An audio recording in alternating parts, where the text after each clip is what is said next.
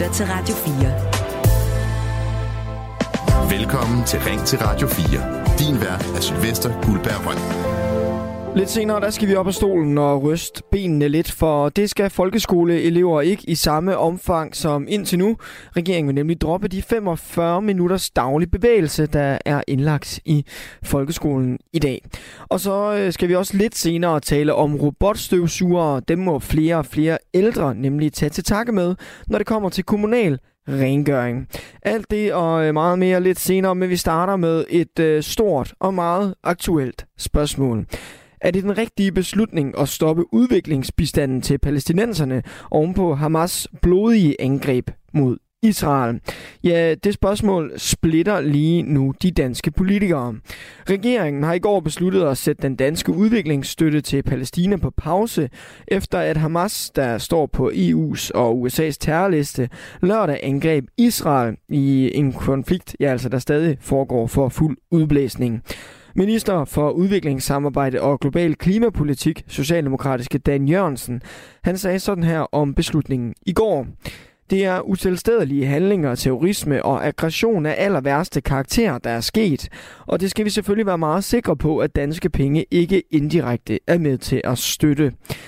Beslutningen den bliver bakket op af blandt andre konservative, Liberal Alliance og Dansk Folkeparti. Og regeringskollega i Venstre, udenrigsordfører Michael Åstrup Jensen, han sagde det her til Ritzau. Ord og handling har konsekvens, og derfor mener vi ikke, at vi skal sende skattekroner i millionklassen ned til en reel terrorrede. Det er støtten til en øh, række civile organisationer, infrastrukturprojekter, landbrugsprojekter og lignende, som regeringen altså vil have gennemgået. Det er ikke den humanitære støtte i form af nødhjælp til at møde basale humanitære behov. Der mangler at blive udbetalt 72 millioner kroner i udviklingsmidler i 2023, og det er altså den støtte, der nu sættes på pause, skriver DR.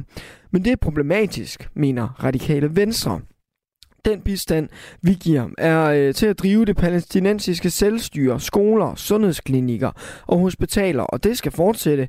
Ellers er der ikke noget håb tilbage for den palæstinensiske befolkning, hvis vi isolerer dem helt, sådan siger udenrigsordfører fra de radikale Christian Friis Bak til BT. BT. Han påpeger, at det ikke er den brede palæstinensiske befolkning, der angriber Israel. Det er Hamas. Og øh, den betragtning deler Carsten Hynge, der er SF's udenrigsordfører. Hvis ikke man forstår, at der er forskel på en terrororganisation som Hamas og den almindelige palæstinenser, så vil den almindelige palæstinenser lide endnu mere, siger han til Altinget. Vi er ikke enige om at øh, sætte den her udviklingsstøtte på pause. Det har både Østrig og Tyskland også midlertidigt gjort. Og øh, vi tager altså nu debatten. Er det fornuftigt, at øh, Danmark stopper sin statsstøtte til palæstinenserne efter Hamas' angreb mod Israel? Du kan byde ind i debatten. Det er på 72 30 44 44. Du kan også sende mig en sms. Inboxen den er som altid åben. Det er på 14 24. Radio 4. Ikke så forudsigeligt. Debatten den starter vi som altid ved en fast lytter, og jeg har ringet til Jan Klatrop på 58 fra Diana, Diana Lund. Hej Jan. Ja, hej med dig. Jan, er det fornuftigt, at vi stopper vores statsstøtte til palæstinenserne efter at uh, Hamas angreb Israel? Jeg mener, det er, det, det er den eneste mulige beslutning. Altså, vi har jo for knap to år siden, havde vi jo et, et hvad hedder det, russerne, der, der gik ind i, i øh, Ukraine, og her har vi jo lavet en masse sanktioner mod dem, selvom at, at øh, den menige russer jo ikke øh, er en del af den her invasion. Og derfor så mener jeg også, at Hamas det er jo en stor del af palæstinenserne, og bliver støttet af den, af den, den brede palæstinenser, altså den generelle palæstinenserne. Så derfor så mener jeg, at det er den eneste rigtige beslutning. Mm. Men som Carsten Hynge, han siger altså fra SF, øh, det her med, der er forskel på terrororganisationer som Hamas og så den almindelige palæstinenser. Vil det her ikke gå ud over den almindelige Jamen, der er jo også, der er jo også forskel, der er jo også forskel på, på Putin og den almindelige russer. Mm. Jeg kan ikke se forskellen. Så, Så jeg mener, det er det eneste rigtige at gøre. Mm.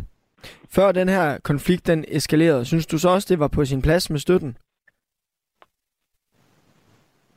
Altså, det har jeg ikke taget stilling til, men, men, øh, men jo, jeg synes, det var okay, og, og vi må også øh, sige, det er jo, det er jo udviklingsbistanden, der bliver stoppet. Det er jo ikke øh, den humanitære hjælp, der bliver stoppet. Det skal vi lige, det skal vi lige huske på. Jan, tak for at sætte debatten i gang. Jeg vender tilbage lidt senere. SMS'en den er allerede i gang dagen, der skriver, stop støtten. Se på, hvordan herboende palæstinenser viser deres støtte til Hamas og glæde ved terrorangrebene. Deres loyalitet er vel ved Hamas. Du kan altså også være med. Du kan ringe til mig og øh, sende sms'er. Det er på 1424. Du lytter til Ring til Radio 4. Regeringen har sat den danske støtte til Palæstina på pause, og det har de for at sikre sig, at pengene ikke ryger i lommen på Hamas. Men er det den rette beslutning? Det er et spørgsmål, som splitter danske politikere. Og øh, nu kan jeg byde velkommen til øh, to af dem. Først dig, øh, Trine Patu Mak. Tak for det. Udenrigs- og udviklingsordfører hos Enhedslisten, og øh, også dig, Anders Vistisen. Tak skal du have. Udenrigsordfører for Dansk Folkeparti. Anders, vi starter med dig. Du synes, det er en god beslutning, regeringen har truffet. Hvorfor skal vi ikke sende udviklingsbistand til det palæstinensiske selvstyre, sådan som situationen er nu? Jamen, altså, det eneste beklagelige er jo, at beslutningen er taget for mange år siden. Men altså, det er jo fordi, at det gang og igen er blevet påvist og dokumenteret, at den støtte, der er givet den for eksempel er gået til forherligelse af terror. Den er gået til skolebøger, som øh, har vist sig at opfordre til had og, og vold. Og den er jo også indirekte gået til at sikre, at Hamas og selvstyret på Vestbreden har haft muligheden for at finansiere for eksempel at give penge til familier for såkaldte martyrer, altså terrorister, der har slået sig selv ihjel, at de kan få sådan et øh, livslangt øh, ophold eller livslangt øh, pengegave af staten for, for, øh, for det her terrorangreb, der er blevet begået. Mm. Og derfor så synes jeg ikke, at det er noget, vi skal understøtte øh, med danske skattekroner. Men Anders, der sidder jo også den øh, palæstinensiske pandang til herre og fru Jensen. Øhm, hvorfor skal det gå ud over dem, og hvorfor skal vi fjerne deres mulighed for at udvikle sig, fordi øh, Hamas, som er en terrororganisation, går til angreb? Hamas altså, er jo ikke kun en terrororganisation. Hamas er også den organisation, der har vundet valget i Gazastriben og styrer Gazastriben politisk. Øh, så det er jo ikke sådan, at, øh, at de ikke har opbakning i den befolkning, der er i Gazastriben. Øh, Hamas har jo øvrigt en meget, meget stor indvirkning på hele civilsamfundet. Alt fra social sikring til uddannelse og alt muligt andet er gennemsyret af den her organisation. Så det er jo ikke sådan en eller anden separat organisation, der ikke har noget med den palæstinensiske selvstyre at gøre. Det er jo faktisk på Gazastriben den organisation, der har kontrollen med, med den politiske kontrol. Så der er ikke den distinktion i verden. Trine, i enhedslisten, der mener I jo ikke, at det her det er særlig smart at sætte øh, støtten på pause. Hvorfor skal vi sende øh, flere penge til øh, Palæstina? Jamen, det skal vi jo, fordi at øh, det ikke er Palæstina, der har begået et terrorangreb ind i Israel. Det er Hamas, der har gjort det. Og den her udviklingsbistand, som vi giver, øh, den giver vi jo netop ikke til Hamas. Altså, Hamas har siddet på magten i overvis, og det har været Hamas har til gengæld også været på EU's terrorliste i overvis. Så Danmark og andre EU-lande har hele vejen igennem holdt og monitoreret, holdt øje med, at man ikke giver udviklingsbistand øh, lige præcis til dem. Det her det går til øh, menneskerettighedsarbejde, til arbejde med kvinder, der er udsat for vold, til unge mennesker, der skal adgang til arbejdsmarkedet. Så det er at skabe alternativer til netop det, som med det, udviklings, det udviklingsspor, som Hamas de står for. Men, men hvis vi risikerer, at bare en enkelt af de danske kroner ender ved Hamas, er det så ikke den rigtige beslutning at stoppe? Nej, det er ikke den rigtige beslutning at stoppe, for der er ikke nogen forudsætninger for at tro, at de penge går der. Jeg synes, det er fint at undersøge det. Øh, jeg ved, at dansk udviklingsbistand bliver monitoreret grundigt løbende, at vi er sikre på, at pengene havner de rigtige steder og går til det, som vi har aftalt, de skal ønske, de skal gå til. Jeg synes, det er fint at gennemtjekke endnu en gang. Øhm, men jeg har ikke nogen forventning om, at man finder ud af, at de bliver givet til Hamas, og gør det, så skal man selvfølgelig stoppe det. Men, men der er jo, der er, der er jo tvivl om, hvor, hvor, hvor, hvor adskilt de egentlig er. Altså, øh, Hamas, det er jo en terrorbevægelse. Præsidenten for det palæstinensiske selvstyre har for et par dage siden været ude og billige angribende. Altså, risikerer vi ikke at sende pengene til en terrorrede, som Michael Åstrup Jensen fra Venstre beskriver det? Nej, det mener jeg ikke. Og jeg, også, jeg må sige, jeg synes, det er dybt, dybt beklageligt, at der sidder øh, danske politikere og mistænkeliggør den udviklingsbistand over en bred kamp som vi giver til Palæstina. Øh, det er danske udviklingsorganisationer, det er FN, der i høj grad forvalter store dele af de her midler. Og indirekte med de påstande, der kommer frem nu, der siger man jo, at de organisationer er med til at støtte øh, og finansiere terrorisme. Det synes jeg er en øh, meget voldsom anklage at komme med, og den er også udenhold i virkeligheden. Anders Vistesen, stoler I ikke på de organisationer? Nej, Trine, hun øh, vælger jo fuldstændig at ignorere et, at, øh, at der er masser af eksempler på, at det er gået til forhærligelse af terror. Der er jo for eksempel en grund til, at den amerikanske kongres har stoppet støtten til FN's øh, udviklingsstøtte i øh, Palæstina, fordi der har været gang og igen eksempler på øh, terrorforherligelse i skolebøger, der er blevet betalt af FN-støttemidler, hvor danske støttekroner også har bidraget. Der er eksempler på dansk bistand, der er gået til et øh, kvindecenter, der er blevet opkaldt efter en martyr, altså en palæstinensisk terrorist. Det blev først stoppet, da uafhængige NGO'er gjorde Danmark opmærksom på det. Så Trine taler jo bare mod bedre vidne. Der er masser af eksempler på, at terrorforherligelse mm er blevet støttet af danske skyttekroner, enten direkte øh, gennem danske programmer eller gennem FN og EU's programmer. Øh, og det er jo desværre et mønster, vi ser, det er jo, at palæstinenserne vil ikke tage afstand. Den palæstinensiske repræsentant i Danmark vil ikke tage afstand. Den palæstinensiske venskabsforening i Danmark vil ikke tage afstand. I øvrigt en forening, der er ledet af en af Patomaks tidligere partikollegaer fra, fra SF, der har været folkevalgt der. Så der er i øvrigt i Europaparlamentet, hvor jeg jo tilbringer min dagligdag, der har Venstrefløjen nægtet at anerkende, at øh, Hamas er en terrororganisation. Vi måtte presse på i overvis for overhovedet at få Europaparlamentet til at vedtage en resolution, der benævnte Hamas som terrororganisation. Så man vasker jo nu hænder, fordi der har været det her frygtelige angreb. Men sandheden er, at alle har vidst, at de her penge er gået til terrorforherligelse, og øh, man har ikke ønsket at gøre noget ved det, fordi man gerne vil holde hånden over sine venner i Palæstina. Det skal du selvfølgelig have lov at svare på, Trine Patumak. Ja, men jeg synes, det er, det er fuldstændig uhørt at skal sidde og finde mig i øh, den form for øh, altså, slagargumenter og påstande om, at vi på venstrefløjen skulle støtte terror, at det er simpelthen for langt ude, Anders Vistisen. Og jeg vil håbe, at de utrolig mange beviser, du har for, at dansk udviklingspenge er gået til at støtte til terrorister, at det bliver indsendt til Udenrigsministeriet. Øhm, de kilder, du har i andre sammenhæng, som, nej, jeg siger lige fast, som er rimelig. Vi lader lige Trine Patumak tale færdig her, Anders Vistisen. En række af de kilder, du har anvendt tidligere, er virkelig tvivlsomme på de her ting. Og jeg siger sådan her dansk udviklingsbistand til Palæstina, det går til fremme demokratisk ansvarlighed, støtte menneskerettigheder, støtte en økonomisk vækst, der sikrer jobs til den unge palæstinenser, og til at arbejde for en øh, civilsamfund, som kan være modstandsdygtige over for kriser, og til at fremme fred og stabilitet. Alt det, Danmark laver med udviklingsbistanden, sker jo inden for rammen af, at vi ønsker fred og en fredelig løsning på den konflikt, der er mellem Israel og Palæstina. Og jeg synes, det er helt forkert i den her situation kollektivt at straffe palæstinenserne for, hvad en terrororganisation har gjort i lørdags. Mm. Og Anders Vistesen, vi kan også prøve at tage det, vi kan også prøve at tage et citat fra en anden af dine politiske kollegaer, nemlig Christian Friis Bak fra Radikale, som siger, den bistand, vi giver, er til at drive det palæstinensiske, se, palæstinensiske selvstyre, skoler, sundhedsklinikker og hospitaler, og det skal fortsætte, ellers er der ikke noget håb tilbage for den palæstinensiske befolkning. Er det forkert, det Christian Friis Bak siger, og det som Trine Patumak siger?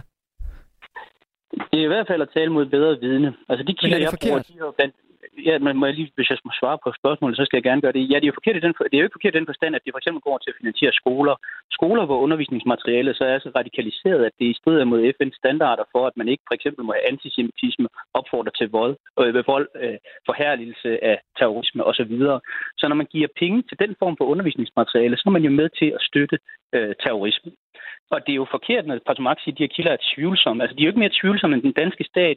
I en 3-4 tilfælde har måttet tilbageholde støtte, fordi det er kommet frem netop fra de her NGO'ers side, at den støtte den er gået til forhærligelse af terror. Det samme har den amerikanske kongres gjort, så det er jo ikke sådan, at de her kilder er øh, bestridt af ret mange andre end Patomak og andre, der elsker øh, at, mm. at holde hånden over palæstinenserne. Men, men hvis man ikke vil forholde sig til det, altså jeg har jo siddet og forhandlet de her resolutioner i Europaparlamentet på vegne af min gruppe. Jeg har siddet og set Patomaks partifælder fra den grønne gruppe, fra den røde venstrefløjsgruppe, nægte at anerkende, at Hamas er en terrororganisation. Altså man sad simpelthen i forhandlingslokalet og sagde ved hænderne over armen, nej, det er en politisk øh, legitim spiller. Men Anders Vistisen, det er jo svært for os at vide, hvad der er sket inde i et forhandlingslokale. Det, det, det ved Trine Patumak vel heller ikke. Jo, det ved hun godt, fordi man kan gå tilbage og se de Palæstina-resolutioner, der har været i Europaparlamentet. Man kan se, at der gang og igen har været blokeret for, helt frem til vi fik det her gennembrud, at Hamas er blevet benævnt som en terrororganisation. Så det er helt øh, empirisk. Mm. Øh, det kan man bare gå tilbage i. Trine Patumak, men hvis man lever i en anden virkelighedsopfattelse, så er det jo svært at blive klogere.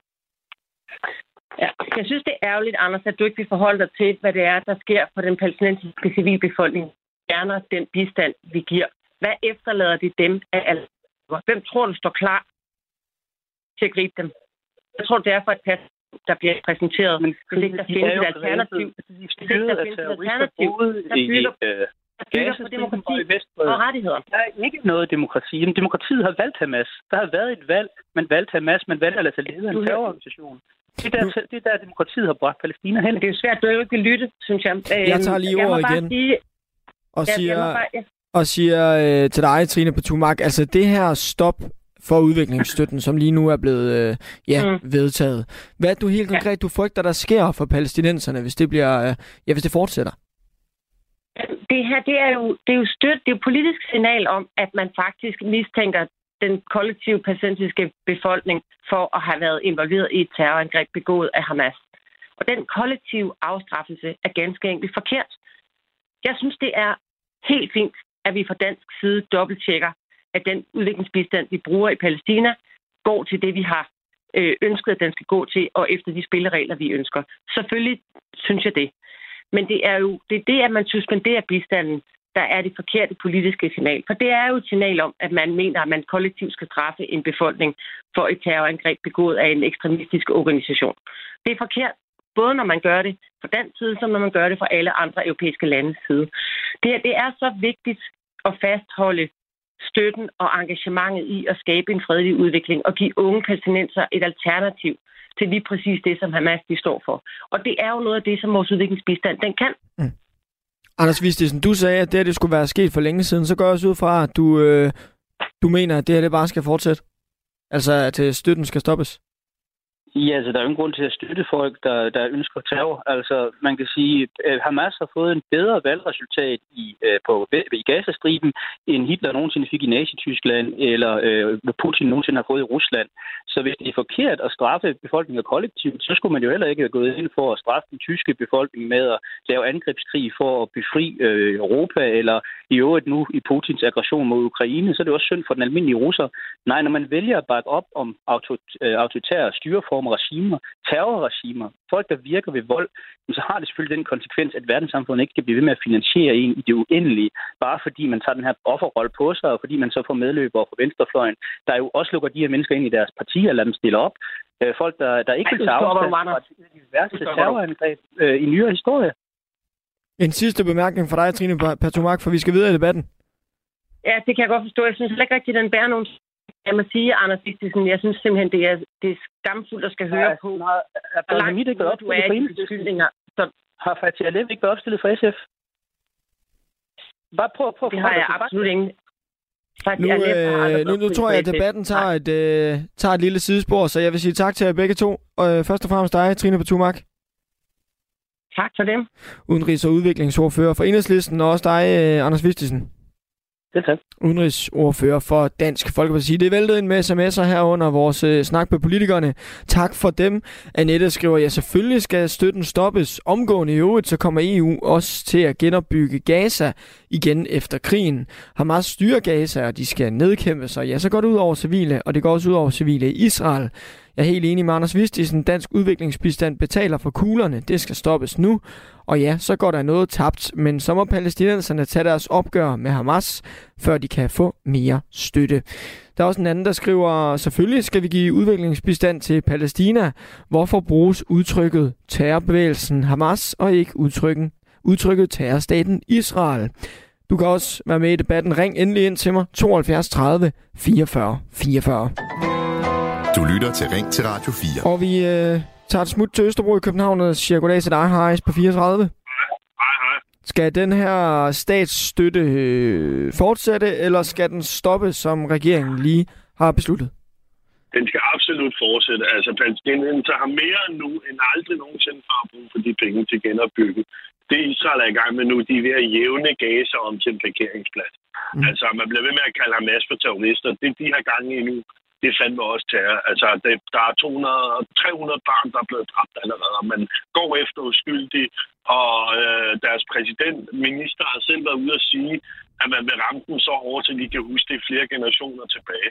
Og man bliver ved med at kalde Hamas for terrorister. Det er jo bare en etikette, man giver mm. folk. Mm. Altså, Israel Men det er jo trods alt noget, som både EU og øh, ja, USA har, har, har vedtaget, at, at de ser dem som terrorister. USA har, og så følger EU-trop. Det er jo sandheden. Det er jo sådan, verden hænger sammen. Øh, hvad, hvad, hvad skal palæstinenserne gøre? Skal de gå i krig med fyrværkeri og tændstikker? De har ikke nogen andre muligheder. De kan ikke gå i en konventionel krig, for de har ikke nogen her. De har ingen andre muligheder.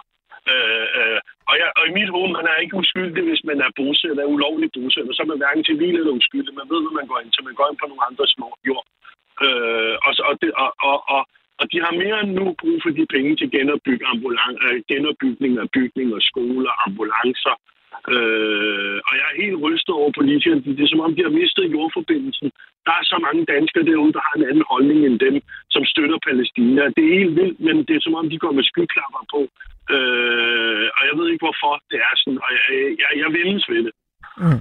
Men nu fik vi jo, øh, altså det var jo Hamas, der angreb Israel i, øh, i lørdags. Det er et, øh, et angreb, som, øh, ja, øh, selvstyre øh, præsidenten har også været ude og billige, og vi får at vide, det siger Michael Åstrup Jensen i hvert fald, han mener fra øh, Michael Åstrup Jensen fra Venstre, at øh, det er simpelthen at sætte penge ned til en terrorrede. Hvorfor er det ikke rigtigt?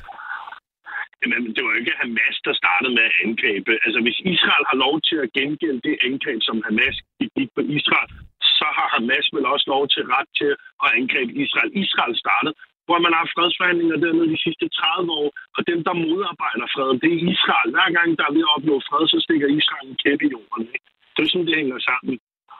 Og Israel er, jo ikke, Israel er jo ikke et demokratisk land. De er jo på ingen måde stueren overhovedet. Hej, altså, vi inviterer lige uh, Anne Mette ind i debatten, som også har uh, ringet ind fra uh, Soring. Hej, Anne Mette. Hej. Du synes, vi skal stoppe støtten? Ja, det synes jeg. Og det er en rigtig øhm, beslutning, har gjort? Ja, det begrunder jeg i, at øh, der er ikke nogen sikkerhed for, at det ikke ryger til terroristerne. Vi har jo set gang på gang, at, øh, at IS de har, fået, øh, de har fået 200 millioner i, øh, i løsepenge øh, fra Danmark af, og hvad hedder det, de somaliske pirater, der har fået løsepenge, de giver også pengene til terrororganisationer. Øhm, og så længe vi ikke kan være sikre på det, så mener jeg virkelig ikke, at, at der skal nogen penge ind, hverken til Israel eller til palæstinenserne. Okay. Og også selvom der sidder en, øh, ja, der sidder palæstinenser, som ikke har noget med Hamas at gøre, så skal deres altså mulighed for udvikling stoppes. Jamen, sådan er det jo alle krige. Øh, der sidder også uh, russere, der ikke er interesseret i krig, og, det, det har der jo været altid. Og så længe der bare er den mindste chance for, at det går til terrorister, så skal vi ikke uh, smide penge efter dem. Nice. Ja. ja, men jeg bliver ved med at høre ordet terrorister. Det er bare sådan en etikette. I mit hoved, så er det en modstandskamp en modstandskamp. Altså, hvad er forskellen på danske modstandsfolk, der kæmper mod den tyske besættelse, og Hamas, som kæmper mod den israelske besættelse? Det er, det er en etikette, man giver til folk, og vinder bestemmer historien. Sådan er det i min verden. Øh, øh, og jeg ser ingen billeder af israelske babyer, der er blevet slået ihjel i det terrorangreb, men jeg ser billeder af babyer, der er blevet slået ihjel af israelske bombninger. Mm. Så jeg, jeg er bare dybt uenig, og jeg, jeg, jeg synes, politikere mister totalt jordforbindelsen til den danske befolkning. Det kan godt være, at der sidder mange danskere nu, der er pro-israelske. Der sidder fandme også mange danskere, der er pro-palæstinensiske. Så at øh, både USA og EU og Israel betegner dem som en terrororganisation, det, det giver du ikke noget for?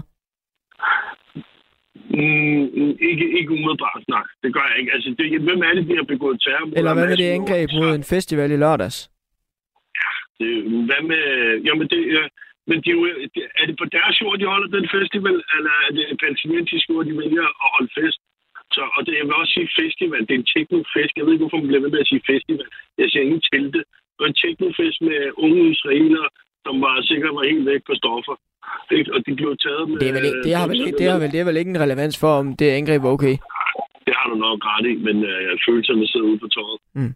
Anne Mette, har du en kommentar? Nej, men vi bliver ikke enige i det her. Øhm, så jeg kan ikke sige andet det, jeg har sagt, at, øh, at der skal ikke penge ned til nogen, der starter en krig, eller terrorister, eller noget som helst, eller laver angreb på, på den måde der. Den mm. er ikke længere i min verden. Men, men mener du, det er øh, Hamas, der har startet det her? Nej, det, det har jo været en konflikt, der har været i, i lang, lang tid. Øhm, men derfor så begynder man ikke lige pludselig at, at, at bumpe på den måde igen. Jeg vil bare lige tilføje... Det skal altså, være kort, Heis. Ja, når man som modstandsfolk ikke har mulighed for andet end at lave nålestiksoperationer, så bliver det på den her måde. Så gør det. Hvis man isolerer hændelsen, så er det jo selvfølgelig tragisk, at man ser uskyldige mennesker blive skudt ned på video. Det vil det altid være. Men de har jo ingen andre muligheder end at lave nålestiksoperationer. Der er jo ingen andre muligheder. Hvad skal de kæmpe fyrværkeri og tændstikker?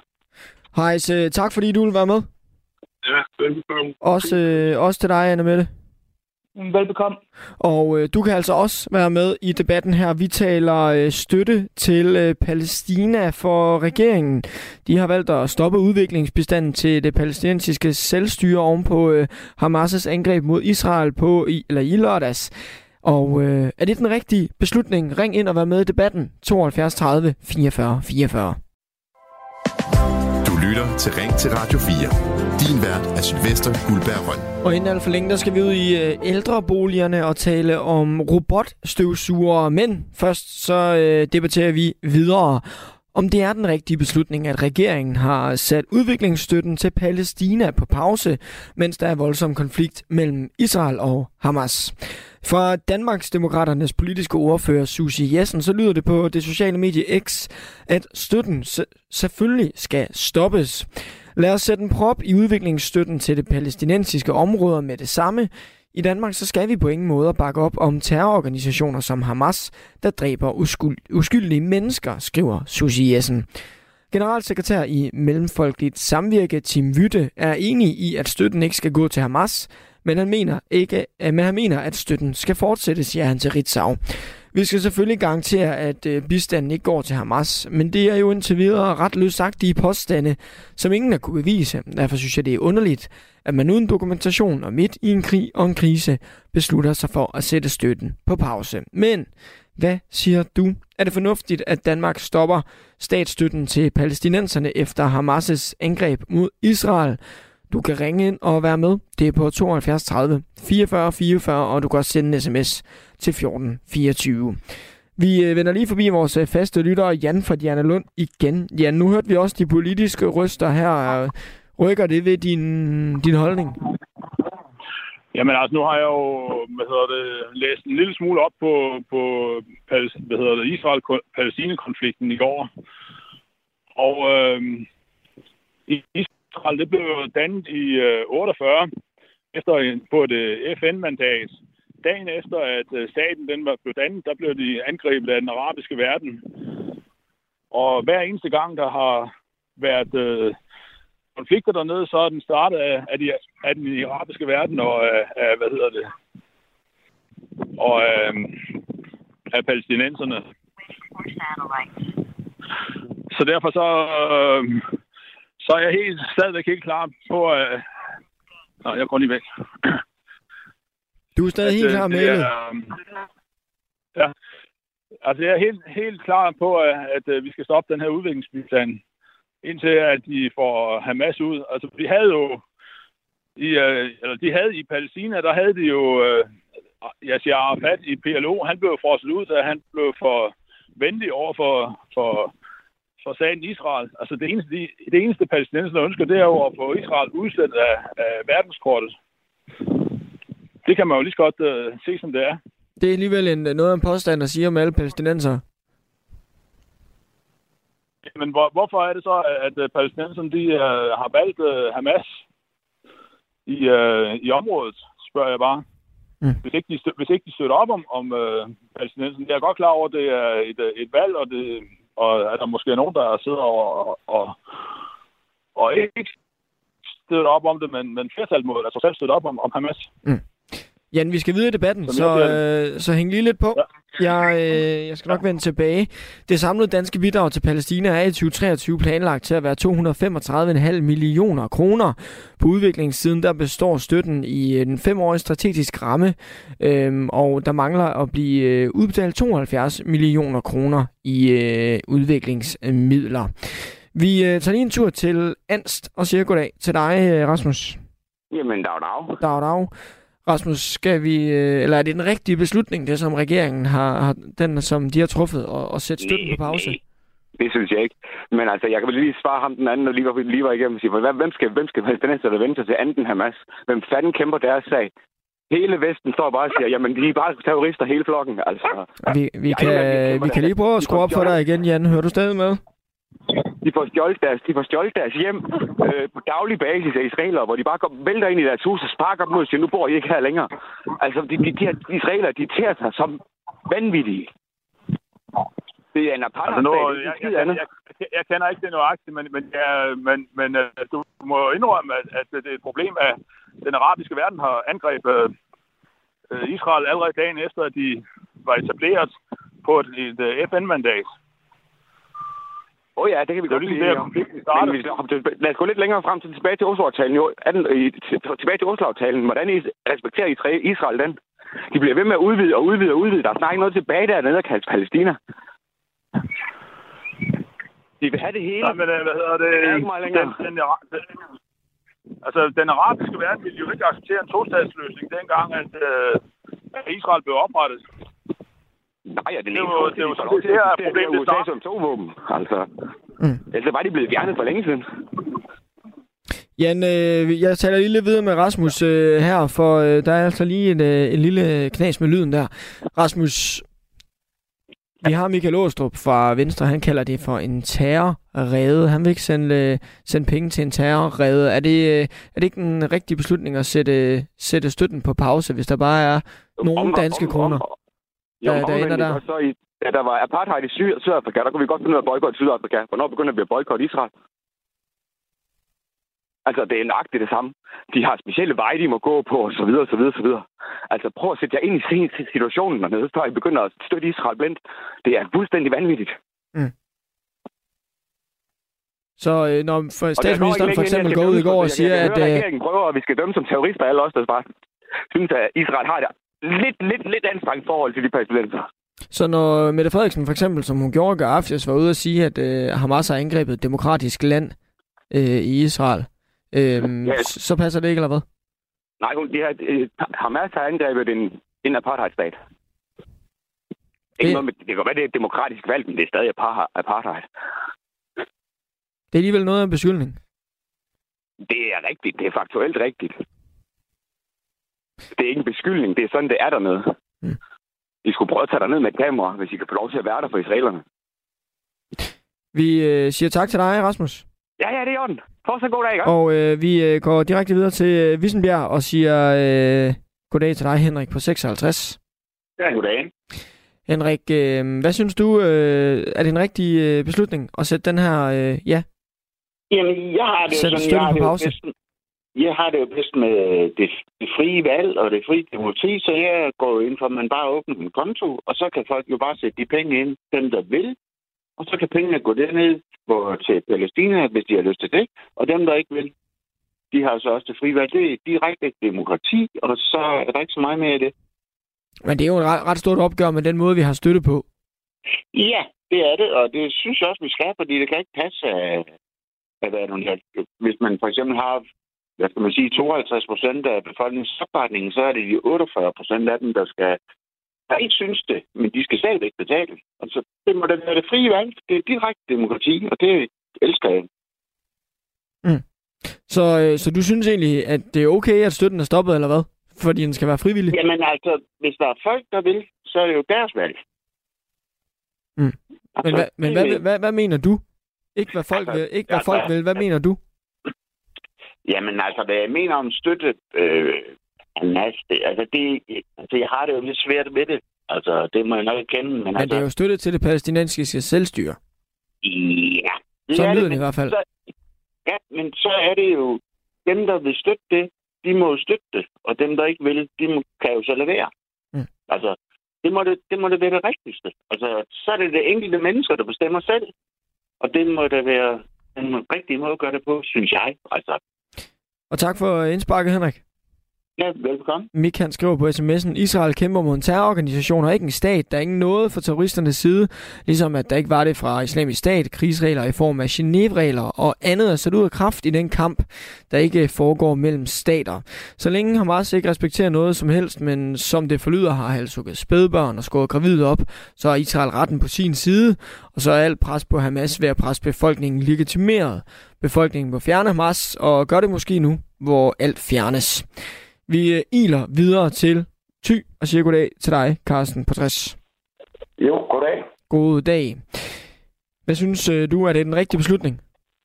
Øh, det, ja, nu skal du høre. Jeg synes, at jeg har godt nok fået sat noget gang i andendam.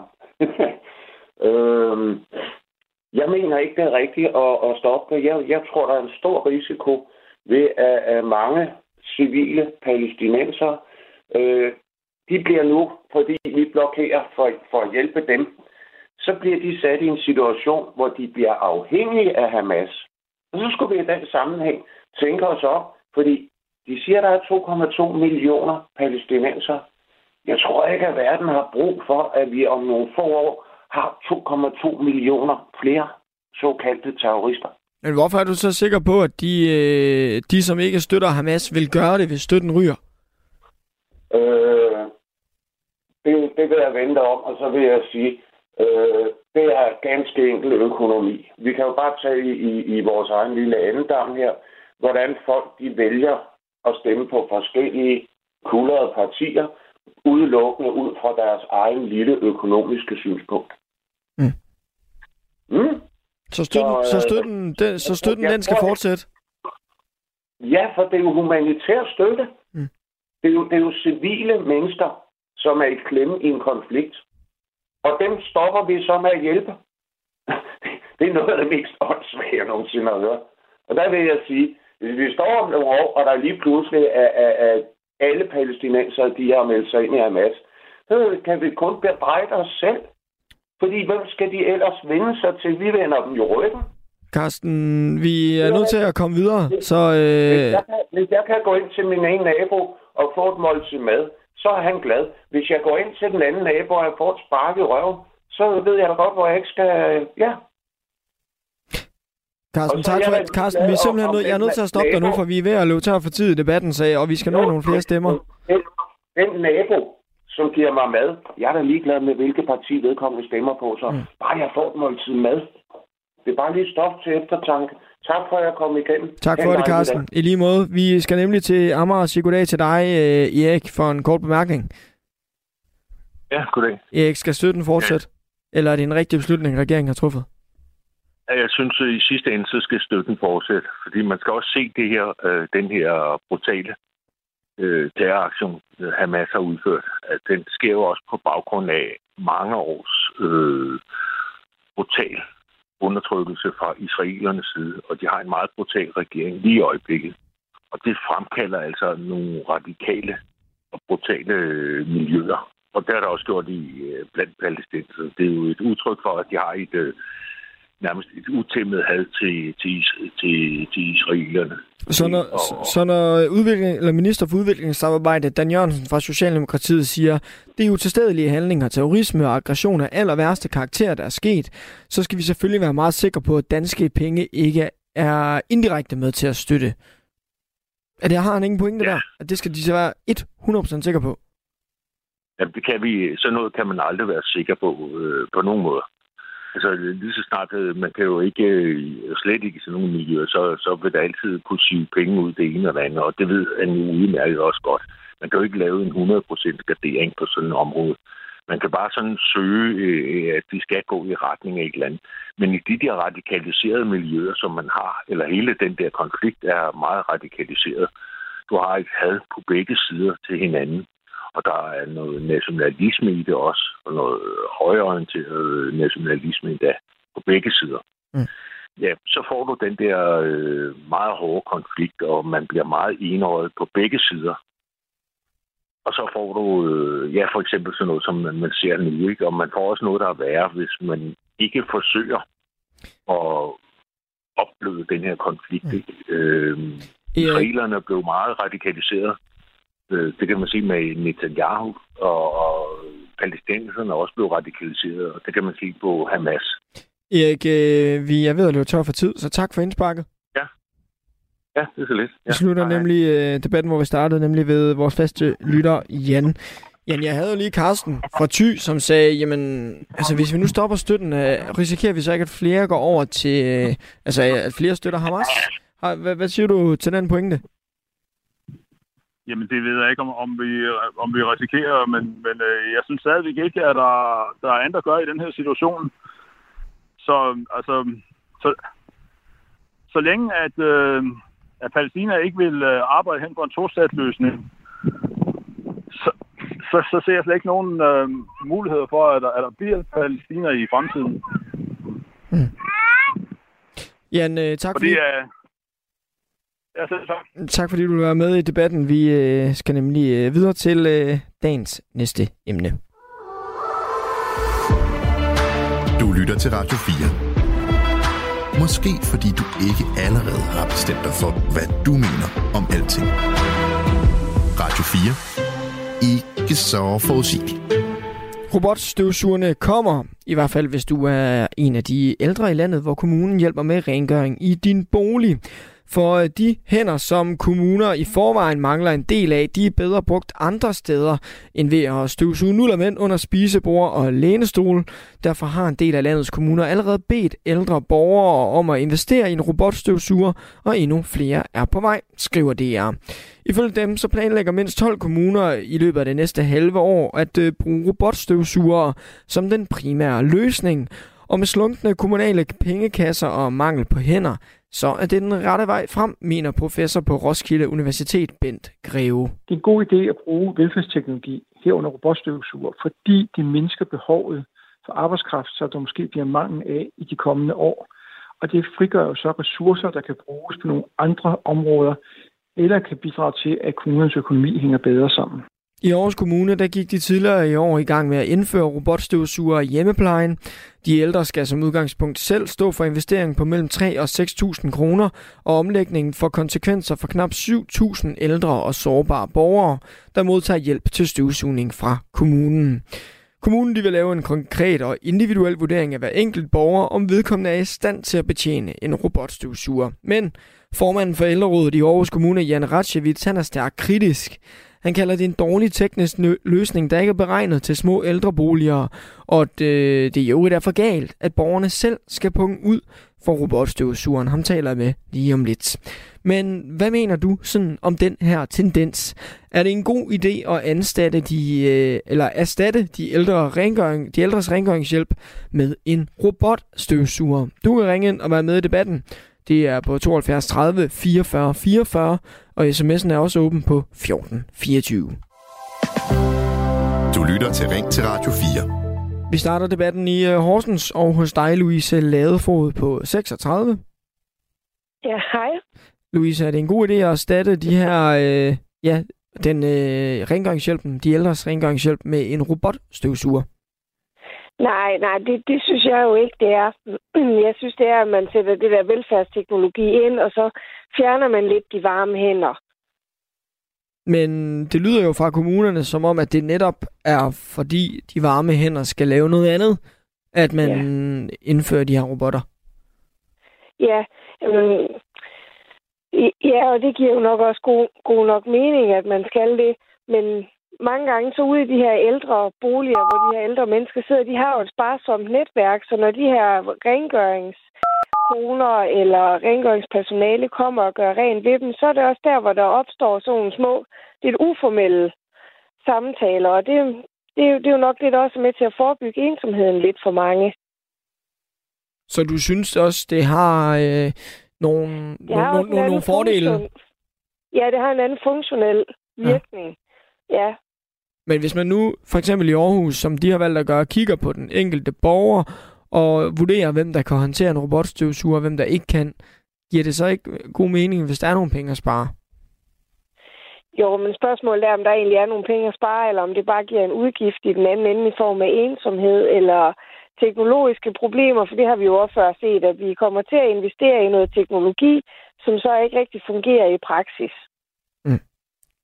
Louise, jeg vender tilbage til dig lidt senere. Du kan altså også være med i debatten. Det er, har Lena allerede gjort, har allerede meldt ind. Jeg har ikke noget imod, hvis der kommer en robotstøvsuger i mit hjem. Jeg får gjort rent hver 14. dag. Øh, og øh, det skriver Lena altså. Økonomien bliver et problem ved at få gjort rent af en robotstøvsuger, men ellers kan jeg ikke se noget problem i det. Du kan også øh, sms'e til mig 1424. Du lytter til Ring til Radio 4. Inden programmet i dag, der talte vi med velfærds- og arbejdsmarkedsforsker Ben Greve, Bent Greve ved Roskilde Universitet. Og han ser robotstøvsugerne som en positiv udvikling. Jeg tror, det er helt nødvendigt, at kommunerne tager velfærdsteknologi i anvendelse, og herunder anvender robotstøvsugere eller hjælper personer med at bruge dem til at gøre rent, sådan så at det personale, man har, enten kan bruges til noget andet, eller at det kan bidrage til, at kommunernes økonomi bliver lettet. Og grund til, at det giver mening, det handler også om øh, manglen på øh, hænder og løse den udfordring. Det er en god idé at bruge velfærdsteknologi herunder robotstøvsuger, fordi det mindsker behovet for arbejdskraft, så der måske bliver mangel af i de kommende år. Og det frigør jo så ressourcer, der kan bruges på nogle andre områder, eller kan bidrage til, at kommunens økonomi hænger bedre sammen. Og vi spurgte også Ben Greve, om man så også tror, at teknologien er noget, vi kommer til at se mere af i fremtiden. Det korte svar er ja, det gør vi, fordi vi har allerede i dag en række teknologier. Øh, alt fra loftlifte, nogle ting, der hjælper med at vende ældre i seng i løbet af natten, nogen, der kan hjælpe med, at demente kan bevæge sig, man så ved, hvor de går hen. Hvis de forsvinder, kan man finde dem igen til håndtering medicin øh, ude på hos borgeren, der har brug for hjælp til medicinhåndtering. Og der vil komme flere muligheder for at bruge velfærdsteknologi til både at hjælpe borgeren med en bedre service, men også til at kommunerne ikke får stærkt stigende udgifter, som følger de demografiske forandringer, vi ser i de kommende år. En robotstøvsuger kommer ikke ind i hjørnerne eller i sofaen. Selvfølgelig skal ældre fremover leve i et støvhelvede. Jeg må hellere begynde at sælge mine gulvtæpper og møbler angående min alderdom i hjemmet. Sådan skriver Ina på øh, sms'en. Du kan altså også være med i debatten, hvis du ringer til mig på 72 30 44 44. Aarhus Kommune kan ikke tilbyde dig hjælp til støvsugning, hvis du selv kan anvende en robotstøvsuger. Sådan står det på Aarhus Kommunes hjemmeside, efter de tidligere på året sat gang i udrullingen af robotstøvsuger i ældreplejen. Borgerne de skal selv betale for den her robothjælper, og det er en udgift på mellem 3 og 6.000 kroner ifølge kommunen. Det vil så til gengæld give en besparelse på 3 millioner kroner i budgettet. Men en, der ikke klapper og i hænderne over de her robotter, det er dig, Jan Ratchevits. Velkommen til programmet. Ja, tak skal du have. Du er formand for ældrerådet i Aarhus ja. Kommune. Ja. Hvorfor er den her løsning så dårlig? Jamen, det er jo noget af det, der, som den forrige også peger på, at, at, at der er altså for forskellige problemer med sådan en, en øh, robotstøvsuger. For det første er det meget afhængigt af boligens indretning. Ledninger, tæpper, dørtrin, stole og bordben og den slags ting er der jo mange af i boliger for ældre mennesker. De har jo en tendens til at tage de meste møbler med sig, når de, selvom de indskrænker sig kvadratmeter. Så det bliver svært for sådan en robotstøvsuger at manøvrere rundt og komme rundt i hjørnerne osv. Det Men... andet, jeg har indvendt imod en, en robotstøvsuger, det er vedligeholdelsen af den, altså den daglige drift. Den skal rengøres, den skal tømmes, hår skal pilles ud af børsten osv. Og den dur altså ikke til at køre over spildte ting. Øh, det giver noget griseri, så der er altså nogle, også nogle funktionsmæssige problemer og vedligeholdsmæssige problemer. Men er der ikke også muligheder i det her? Man kan jo også argumentere for, at det giver borgeren lidt mere selvbestemmelse. Altså, de kan jo sætte den i gang, når de har lyst. Det er fuldstændig rigtigt. Det er fuldstændig rigtigt, og jeg siger, siger der også, at man skal da udnytte velfærdsteknologien der, hvor man kan for at spare, både spare penge, men måske lige for tiden spare personale. Så det er, jeg, det er jeg da helt enig i, og jeg vil da også sige, at, at hvis der er nogen, der gerne vil have en robotstøvsuger, fordi de føler sig mere fri, selv kan bestemme, hvornår de er hjemme og ikke hjemme, og hvornår de skal tage imod en, en rengøringsassistent, der kommer og hjælper med rengøring. Det, det kan jeg da sagtens se fordelen i. Så er der en anden ting, jeg synes, at man også øh, måske skal, skal have lidt øje på, det er, at når der kommer en rengøringsperson ind, altså for eksempel en sociohjælper, eller hvem man nu har til at gøre rent, så er det jo også en opgave for den pågældende at kaste et øje på borgeren og sige, hvordan har borgeren det? Sidder borgeren og falder hen, syner hen, er der sket en negativ udvikling, siden jeg var her sidst? Er der noget i køleskabet osv.? Og så gå tilbage og sige, at den borger har vist brug for et forebyggende hjemmebesøg eller en eller anden form for besøg af en sundhedsperson. Det mister vi ved, at, at altså, vi mister kontakten til borgeren, vi mister det øje, vi ellers skal have på borgeren, mm. også via vores rengøringshjælp. Annette Poulsen fra Socialdemokratiet, hun er formand for Sundheds- og Omsorgsudvalget i Aarhus Kommune. Hun ved godt, at øh, beslutningen ikke er populær, men som hun siger til TV2 Østjylland, vi er nødt til at samle så mange ressourcer som muligt omkring, omkring plejeopgaverne på ældre- og sundhedsområderne. Det gælder både økonomisk og i forhold til at bruge personalet bedst i en virkelighed med store rekrutteringsudfordringer.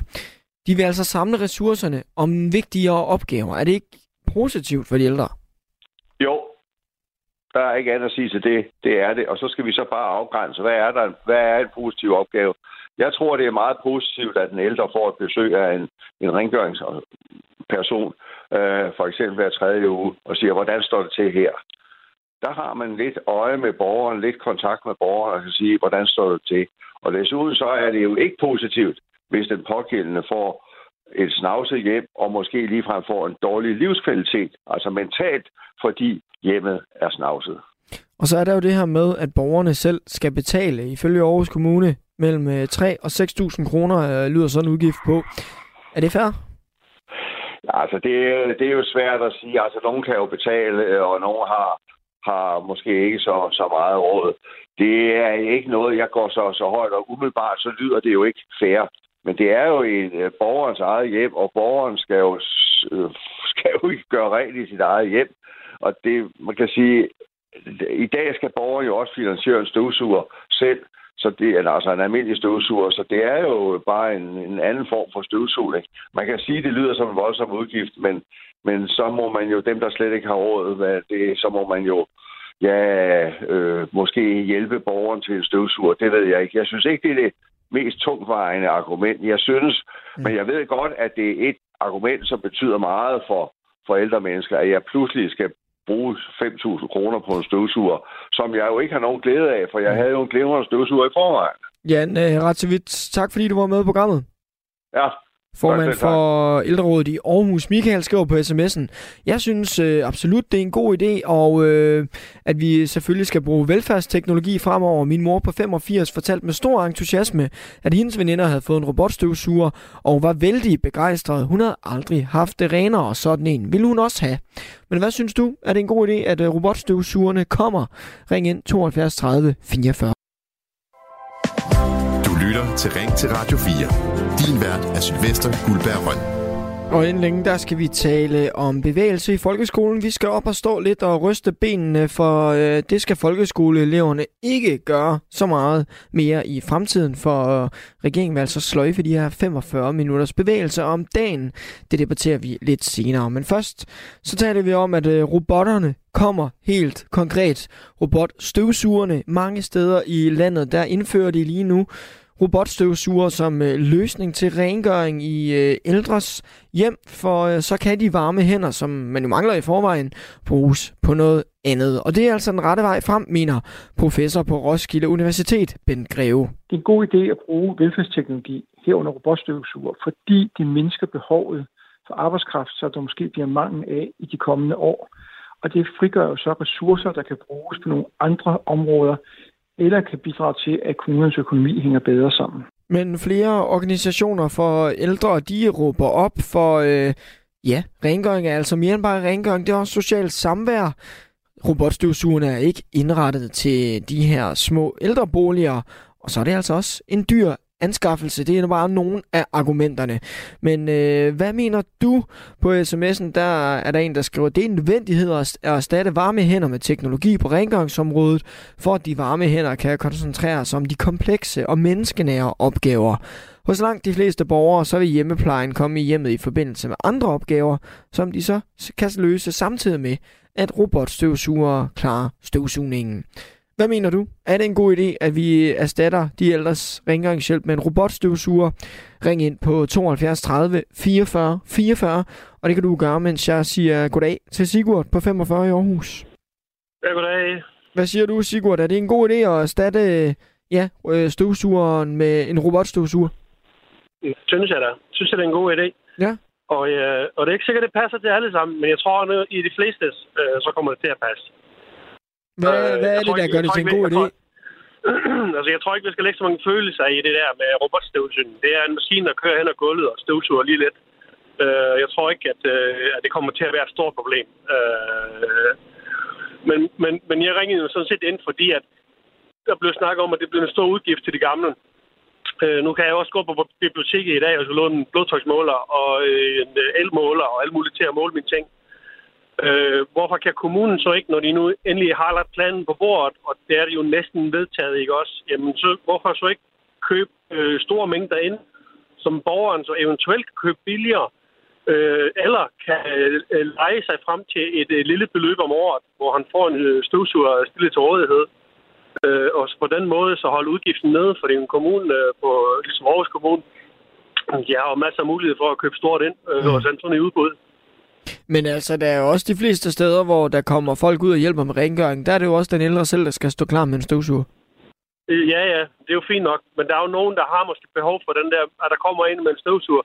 Men jeg tror, at i de fleste tilfælde, så er sådan en der robot på gulvet, det er fint nok. Mm. Jeg tror, det kommer til at dække de flestes behov. Øh, det er jo en barn, jeg ved godt, det er bare en støvsugning, men jeg tror, for de fleste, så er det fint. Du siger, det er for de fleste fint. Ældresagen, de siger til øh, DR, eller det gør deres jurist, Dorte Bjerremann, Der er også det he- hele det menneskelige aspekt. Der er rigtig mange mennesker, hvor hjemmehjælperne er den eneste, der besøger dem. Og dermed også den Jo, jo. eneste, der kan observere, om der er sygdomstegn eller brug for mere hjælp. Jo, jo. Men det er jo det er også fint nok igen. Det er jo i følelser igen. Mig er det ikke også. Der var også problemet ikke? nemlig, de, de kom frem, ikke? Og så kunne de heller ikke finde ud af det. Det er jo en robotstøvsuger. Det kommer bare ikke til at erstatte alt andet besøg, de får i forvejen, hvis der er et eller andet. Øh, nu, nu, tror jeg, at altså, ældrerådet, de råber og skriger hver gang, der er et eller andet, der skal laves en lille smule om. Men de bliver simpelthen nødt til at følge med. Og den generation, der er ved at blive gammel nu, de er altså efter, efterhånden vokset op med mobiltelefoner. Så man kan jo ikke blive ved med at sige, at det er øh, et problem, og hver gang der, der kommer en, øh, en, øh, noget mekanik øh, ind i huset og løser en opgave, det bliver vi simpelthen bare nødt til som samfund at, at gøre fremadrettet. Mm. Vi skal bare ikke erstatte det 100% Og der er ikke alle sammen, det kommer til at passe. Hvis du er dårligt gående, alt muligt, så kan der være behov for, at der kommer et menneske og gør det.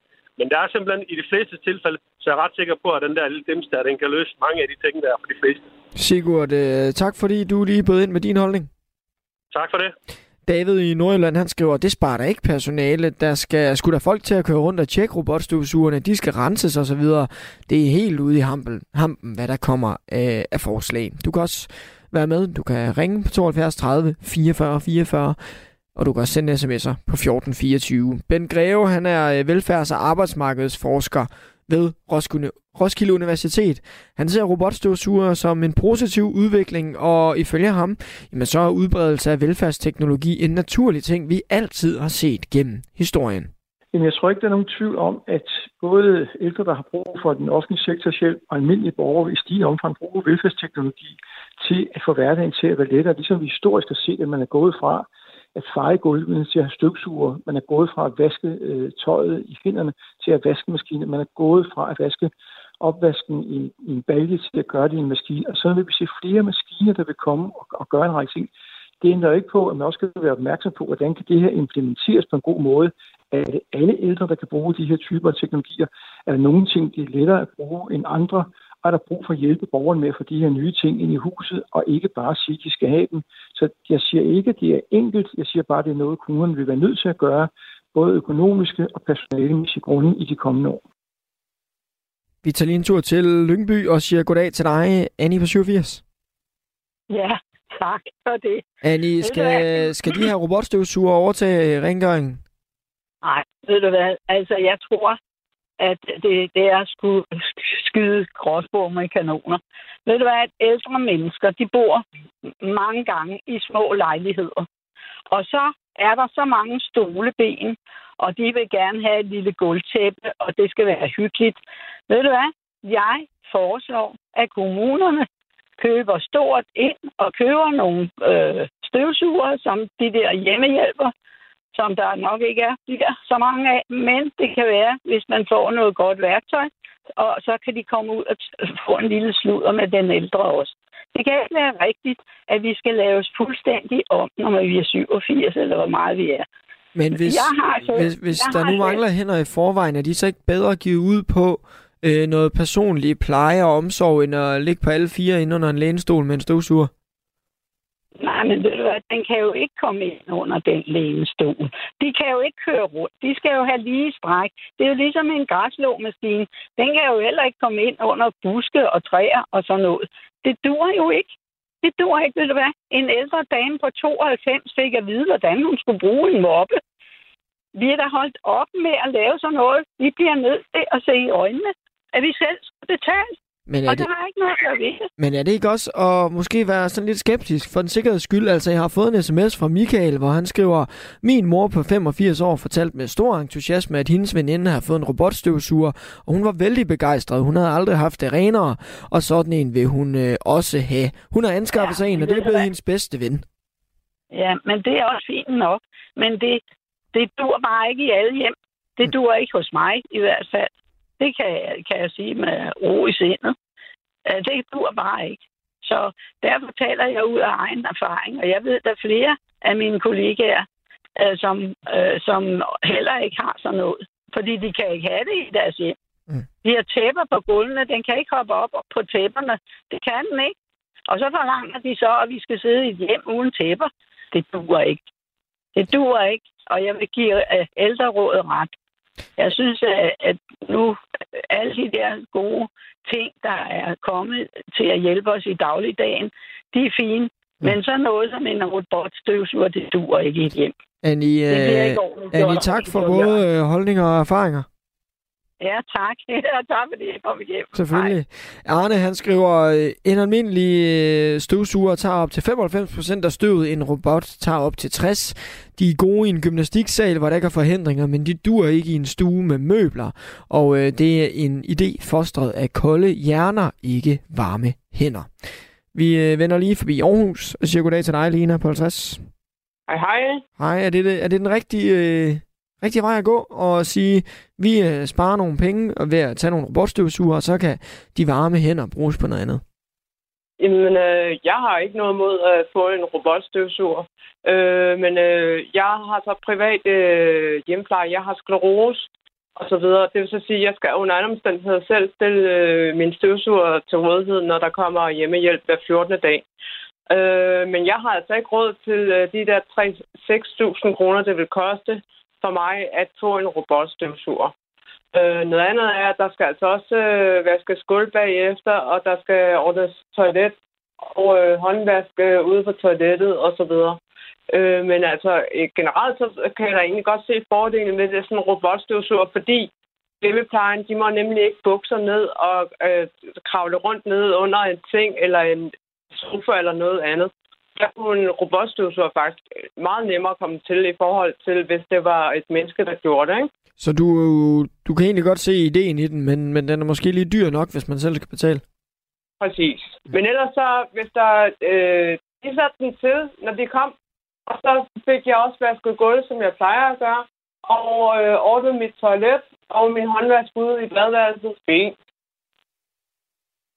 Vi øh, siger tak til dig, øh, Lena, for at du øh, lige vil byde ind. Så tak.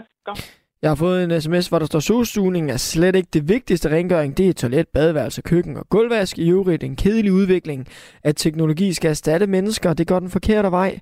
Og vi bør værdsætte mellemmenneskelige aktioner og let fysisk arbejde og øh, spare på forbrug og energikrav til teknologi. Vi vender lige forbi dig igen, øh, Louise Ladefod, vores øh, faste lytter i Horsens. Øhm, Louise, du er socialpædagog og arbejder selv med sårbare øh, borgere. Kan du godt Ja. øh, genkende det her med, at rengøring, altså et rengøringsbesøg handler om mere end bare rengøring? Ja, det gør, ja, det gør det. Og fordi det, det er der, hvor det bliver uformelt. Det er der, hvor der ikke bliver stillet krav. Nu skal du have din mad, nu skal du have din medicin, nu skal du i bad, nu skal du, nu skal du. Det, det her, hvor der også er ligeværdighed, og hvor der nogle gange kommer lidt nogle andre ting frem. Og det tror jeg især ældre har brug for, der sidder og er et eller andet sted ret alene i forhold til, hvis man nu boede på et bosted. Og den der argumentation med, at vi skal have den her velfærdsteknologi ind, fordi at vi kommer til at mangle arbejdskraft, det skriger jo også lidt til himlen om, at vi, vi skal have gjort det mere attraktivt at arbejde med mennesker. Det er jo en helt anden debat. Mm. Men der burde vi sætte noget helt andet ind, og så tror jeg, det vil løse sig. Men Aarhus Kommune, de arbejder med en løsning, hvor de siger, de vil øh, evaluere og øh, vurdere hver enkelt borger, om de er i stand til at betjene sådan en her, om det giver mening for dem. Kunne det så ikke være trods alt en løsning, at man siger, okay, det er ikke fordi, vi ruller det ud til alle ældre? Jo, og til dem, der giver mening ved, så tænker jeg, at der vil det være fint, men hvis man alligevel selv skal ud og betale den, så tror jeg også, at så dem, det vil give mening for, de har været ude og købe den, eller vil helt selv gøre det. Tak for at være med i debatten, Louise. Tak fordi jeg måtte være med. Selvfølgelig. Det øh, sidste ord, øh, det sidste korte ord, det får du, øh, Allan, på 74 i Odense. Ja. Øh, det der med, altså, jeg, jeg siger altså, at, at det, det behøver sgu ikke at være sådan, at, øh, man, øh, at, der ikke er nogen nullermænd eller noget andet. Altså, mit hjem, det ligner sgu ikke et hospital. Det gør det bestemt ikke. Og jeg mener, at det er rigeligt, hvis der bliver støvsuget, øh, støvsuget en, gang, en gang i munden. Og øh, her kan hjemmehjælpen øh, prøve at, at koncentrere sig lidt mere om det lettere i hjemmet. Og så er det øvrigt for at snakke med, snakke med de gamle.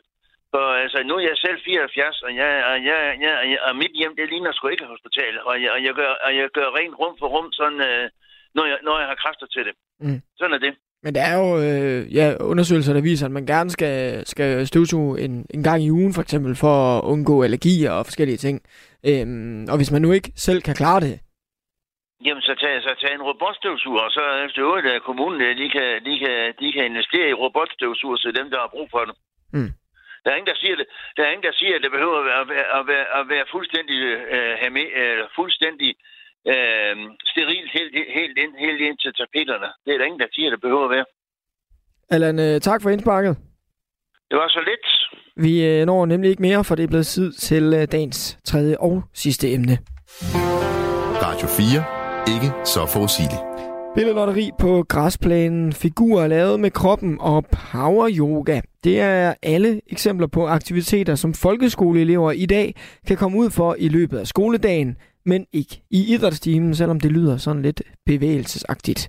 For lige nu, der skal øh, eleverne nemlig holdes i bevægelse i mindst 45 minutter om dagen i løbet af den normale undervisning.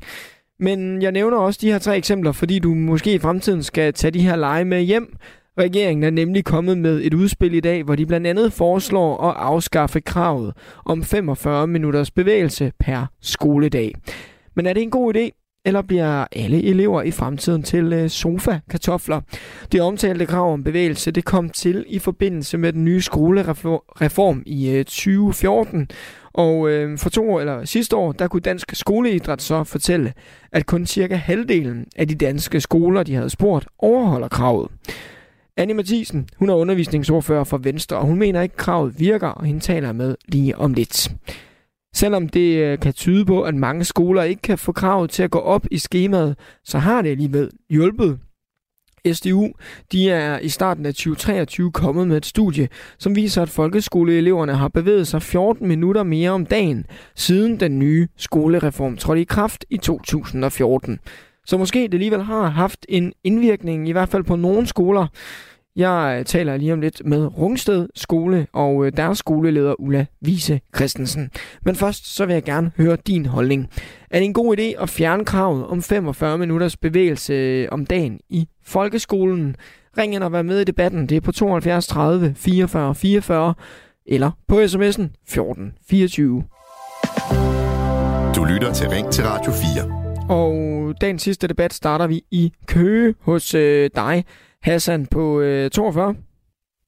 Ja, godmorgen. God, Eller god formiddag. Ja, god formiddag, godmorgen, hvad vi nu skal kalde det. Øh, Hassan, er det en god idé at fjerne kravet om 45 minutters bevægelse om dagen i skolen? Altså, øh, jeg ved jo, at min datter har været meget glad øh, for det, fordi den måde, hendes tidligere skole, nu går hun på en anden skole, men øh, den folkeskole, hun har gået på, øh, Øh, der havde de jo øh, inkluderet de, det i deres skoleskema så havde de noget, der hed USU, og det betød, at de var simpelthen ude øh, i hvert fald øh, to timer i løbet af ugen, der bare handlede om leg. Så det var altså ikke engang, det var ikke idræt, der var ikke en læringsmål, der var ikke noget, det var bare om at komme ud og bevæge sig, og det var simpelthen en ens yndlingstime. Det var det, hun nød aller, allermest. Så jeg er selvfølgelig meget ked af, at det ikke er et krav, fordi jeg tror, at børnene, de nyder rigtig, rigtig godt af det.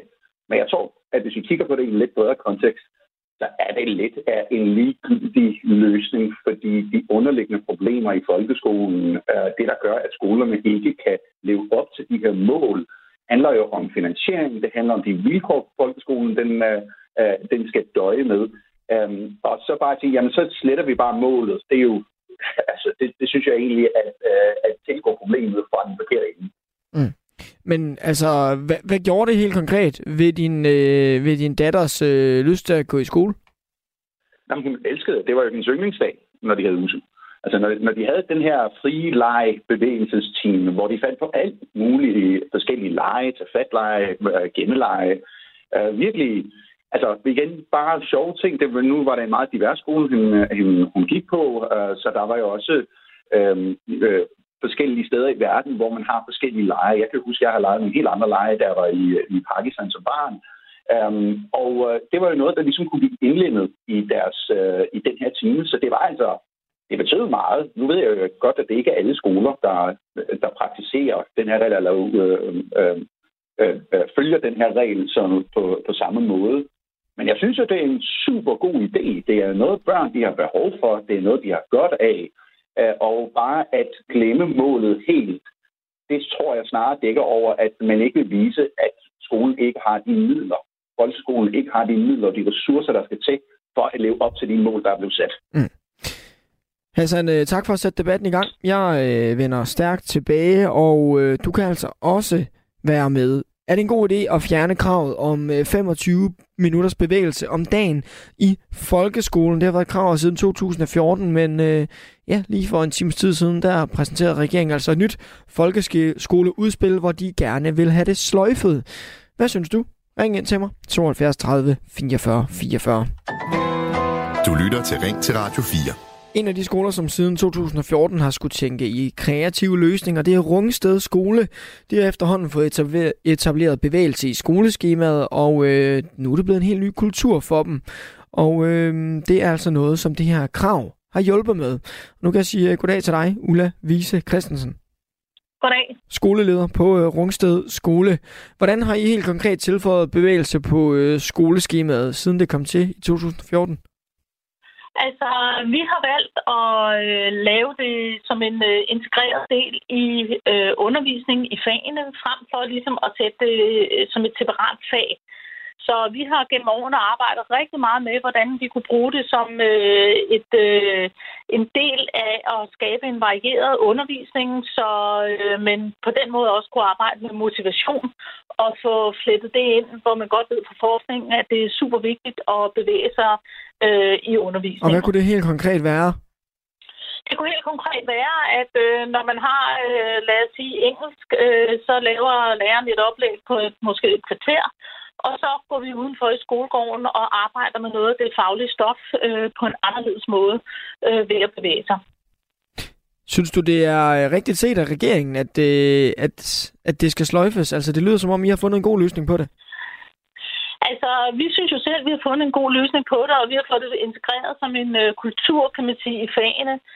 Øh, at man så vælger at afskaffe det nu, øh, så kan man sige, øh, at det er en god idé. De vil rigtig meget med det nye udspil, og øh, der skal være plads til ret, og rigtig meget nyt. Øh, så kan man sige, ja, så skal man jo ligesom øh, bytte noget ud. Øh, og det er klart, at man sender selvfølgelig også et signal med øh, at sige, at nu bliver det ikke et obligatorisk krav. Men øh, et eller andet sted, så tænker jeg, at øh, på de øh, 9-10 år, der er gået, så øh, har man i hvert fald haft muligheden for at få det integreret som en øh, naturlig del i skolehverdagen. Ja, for nu var det ikke længere et krav. Altså, er du bange for, at lærerne på din skole kommer til at slække lidt på, på de her bevægelsestiltag, øh, nu når det ikke er noget, der står i, i loven længere? Er jeg slet ikke nervøs for, fordi øh, når man øh, skal sidde og lave god skole sammen med sine lærere, så ved vi godt, hvad det er, der virker i undervisningen. Og øh, en af de ting, der virker, det er at lave en varieret undervisning, hvor man indimellem også får rejst sig fra stolesædet og kommer ud og får rørt sig. Så det er jeg faktisk ikke nervøs for, at, øh, at det forsvinder. Men ja, men det, det bliver vel lidt lettere at springe over, hvor det lige pa- ikke passer ind? Ja, det kan man sige, men der er jo rigtig meget, der ikke er formuleret i en folkeskolelov, som vi godt ved er en god idé, og som vi praktiserer i vores hverdag. Så det er jo også det, som Mathias Tesfaye, han siger, at vi vil gerne sætte fri til skolerne. De ved, hvad der virker derude, og øh, øh, så må man sammen lokalt øh, sørge for at øh, få indrettet en skolehverdag, hvor det også bliver en ingrediens stadig, om jeg så må sige. Var I øh, kommet i gang med at få mere bevægelse og udliv og øh, kreativitet. I, var I kommet i gang med det i undervisningen, hvis ikke det havde været for kravet? Altså, det er jo rigtig svært at sige. Øh, det var i hvert fald en rigtig god anledning og et godt, hvad skal man sige, afsæt til at virkelig få fokus på at få lavet noget mere varieret undervisning, der også handler om øh, udeskole og bevægelse. Øh, vi var i gang med i forvejen at lave ude-SFO, om det på den måde var kommet øh, øh, ind i vores skolehverdag, det er jeg ikke sikker på. Altså, det er klart, at når man laver sådan noget som et krav, så sætter man sig ned og arbejder meget koncentreret med at få det implementeret. Så det har jo været en kæmpe hjælp, kan man sige, til at få, få øh, lavet en anderledes skolehverdag også. Og der er jo så også lavet en undersøgelse, som, som viser, at øh, den er fra sidste år, den er fra Dansk øh, Skoleidræt, som kunne fortælle, at det kun er cirka halvdelen af de danske skoler, som de havde spurgt, som overholder kravet. Øhm, hvorfor tror du, dine kolleger rundt om i øh, skoleinspektørkontorerne ikke er lykkedes på samme måde som dig? Ja, det er jo altid et godt spørgsmål, øh, hvorfor det ikke er lykkedes. Altså, når man skal implementere noget nyt, og man kan sige skolereformen, der var mange nye elementer i skolereformen, øh, så har man måske lagt vægt på lidt forskelligt rundt omkring. Øh, og ja, så har fokus måske ikke været der på, på de skoler, der ikke har lykkes med det. Øh, og måske har man ikke øh, hentet nok inspiration fra hinanden. Jeg tror, nogle af dem, der er øh, sådan gået lidt kolde på det, det er måske nogle af dem, der har ligesom de sidder lagt ind som et form for fag eller et tidspunkt på dagen, hvor man ligesom skulle og bevæge sig. Øh, den den øh, hører jeg i hvert fald er, er fættet ud øh, mange steder hvor man i stedet for, der hvor man lykkes, øh, der har man integreret det som en del af fagene og som en del af kulturen. Ulla, tak fordi du vil være med i programmet. Velkommen. Ulla Vise Christensen, altså skoleleder på Rungsted Skole, hvor de er lykkedes rigtig godt med de her 45 minutters bevægelse om dagen, som i 2014 blev et krav i den danske folkeskole, men ikke meget længere, for regeringen de har netop fremlagt et nyt øh, lovforslag om et folkeskoleudspil, og her vil de altså sløjfe kravet. Michael han skriver, at man vil sætte folkeskolen fri. Det betyder, at man fjerner kravet, men det betyder også min op, efter min opfattelse, at det står skolen frit for at fortsætte. Hvad synes du? Er det godt, at vi øh, fjerner kravet? Ring ind 72 30 44. Du lytter til Ring til Radio 4.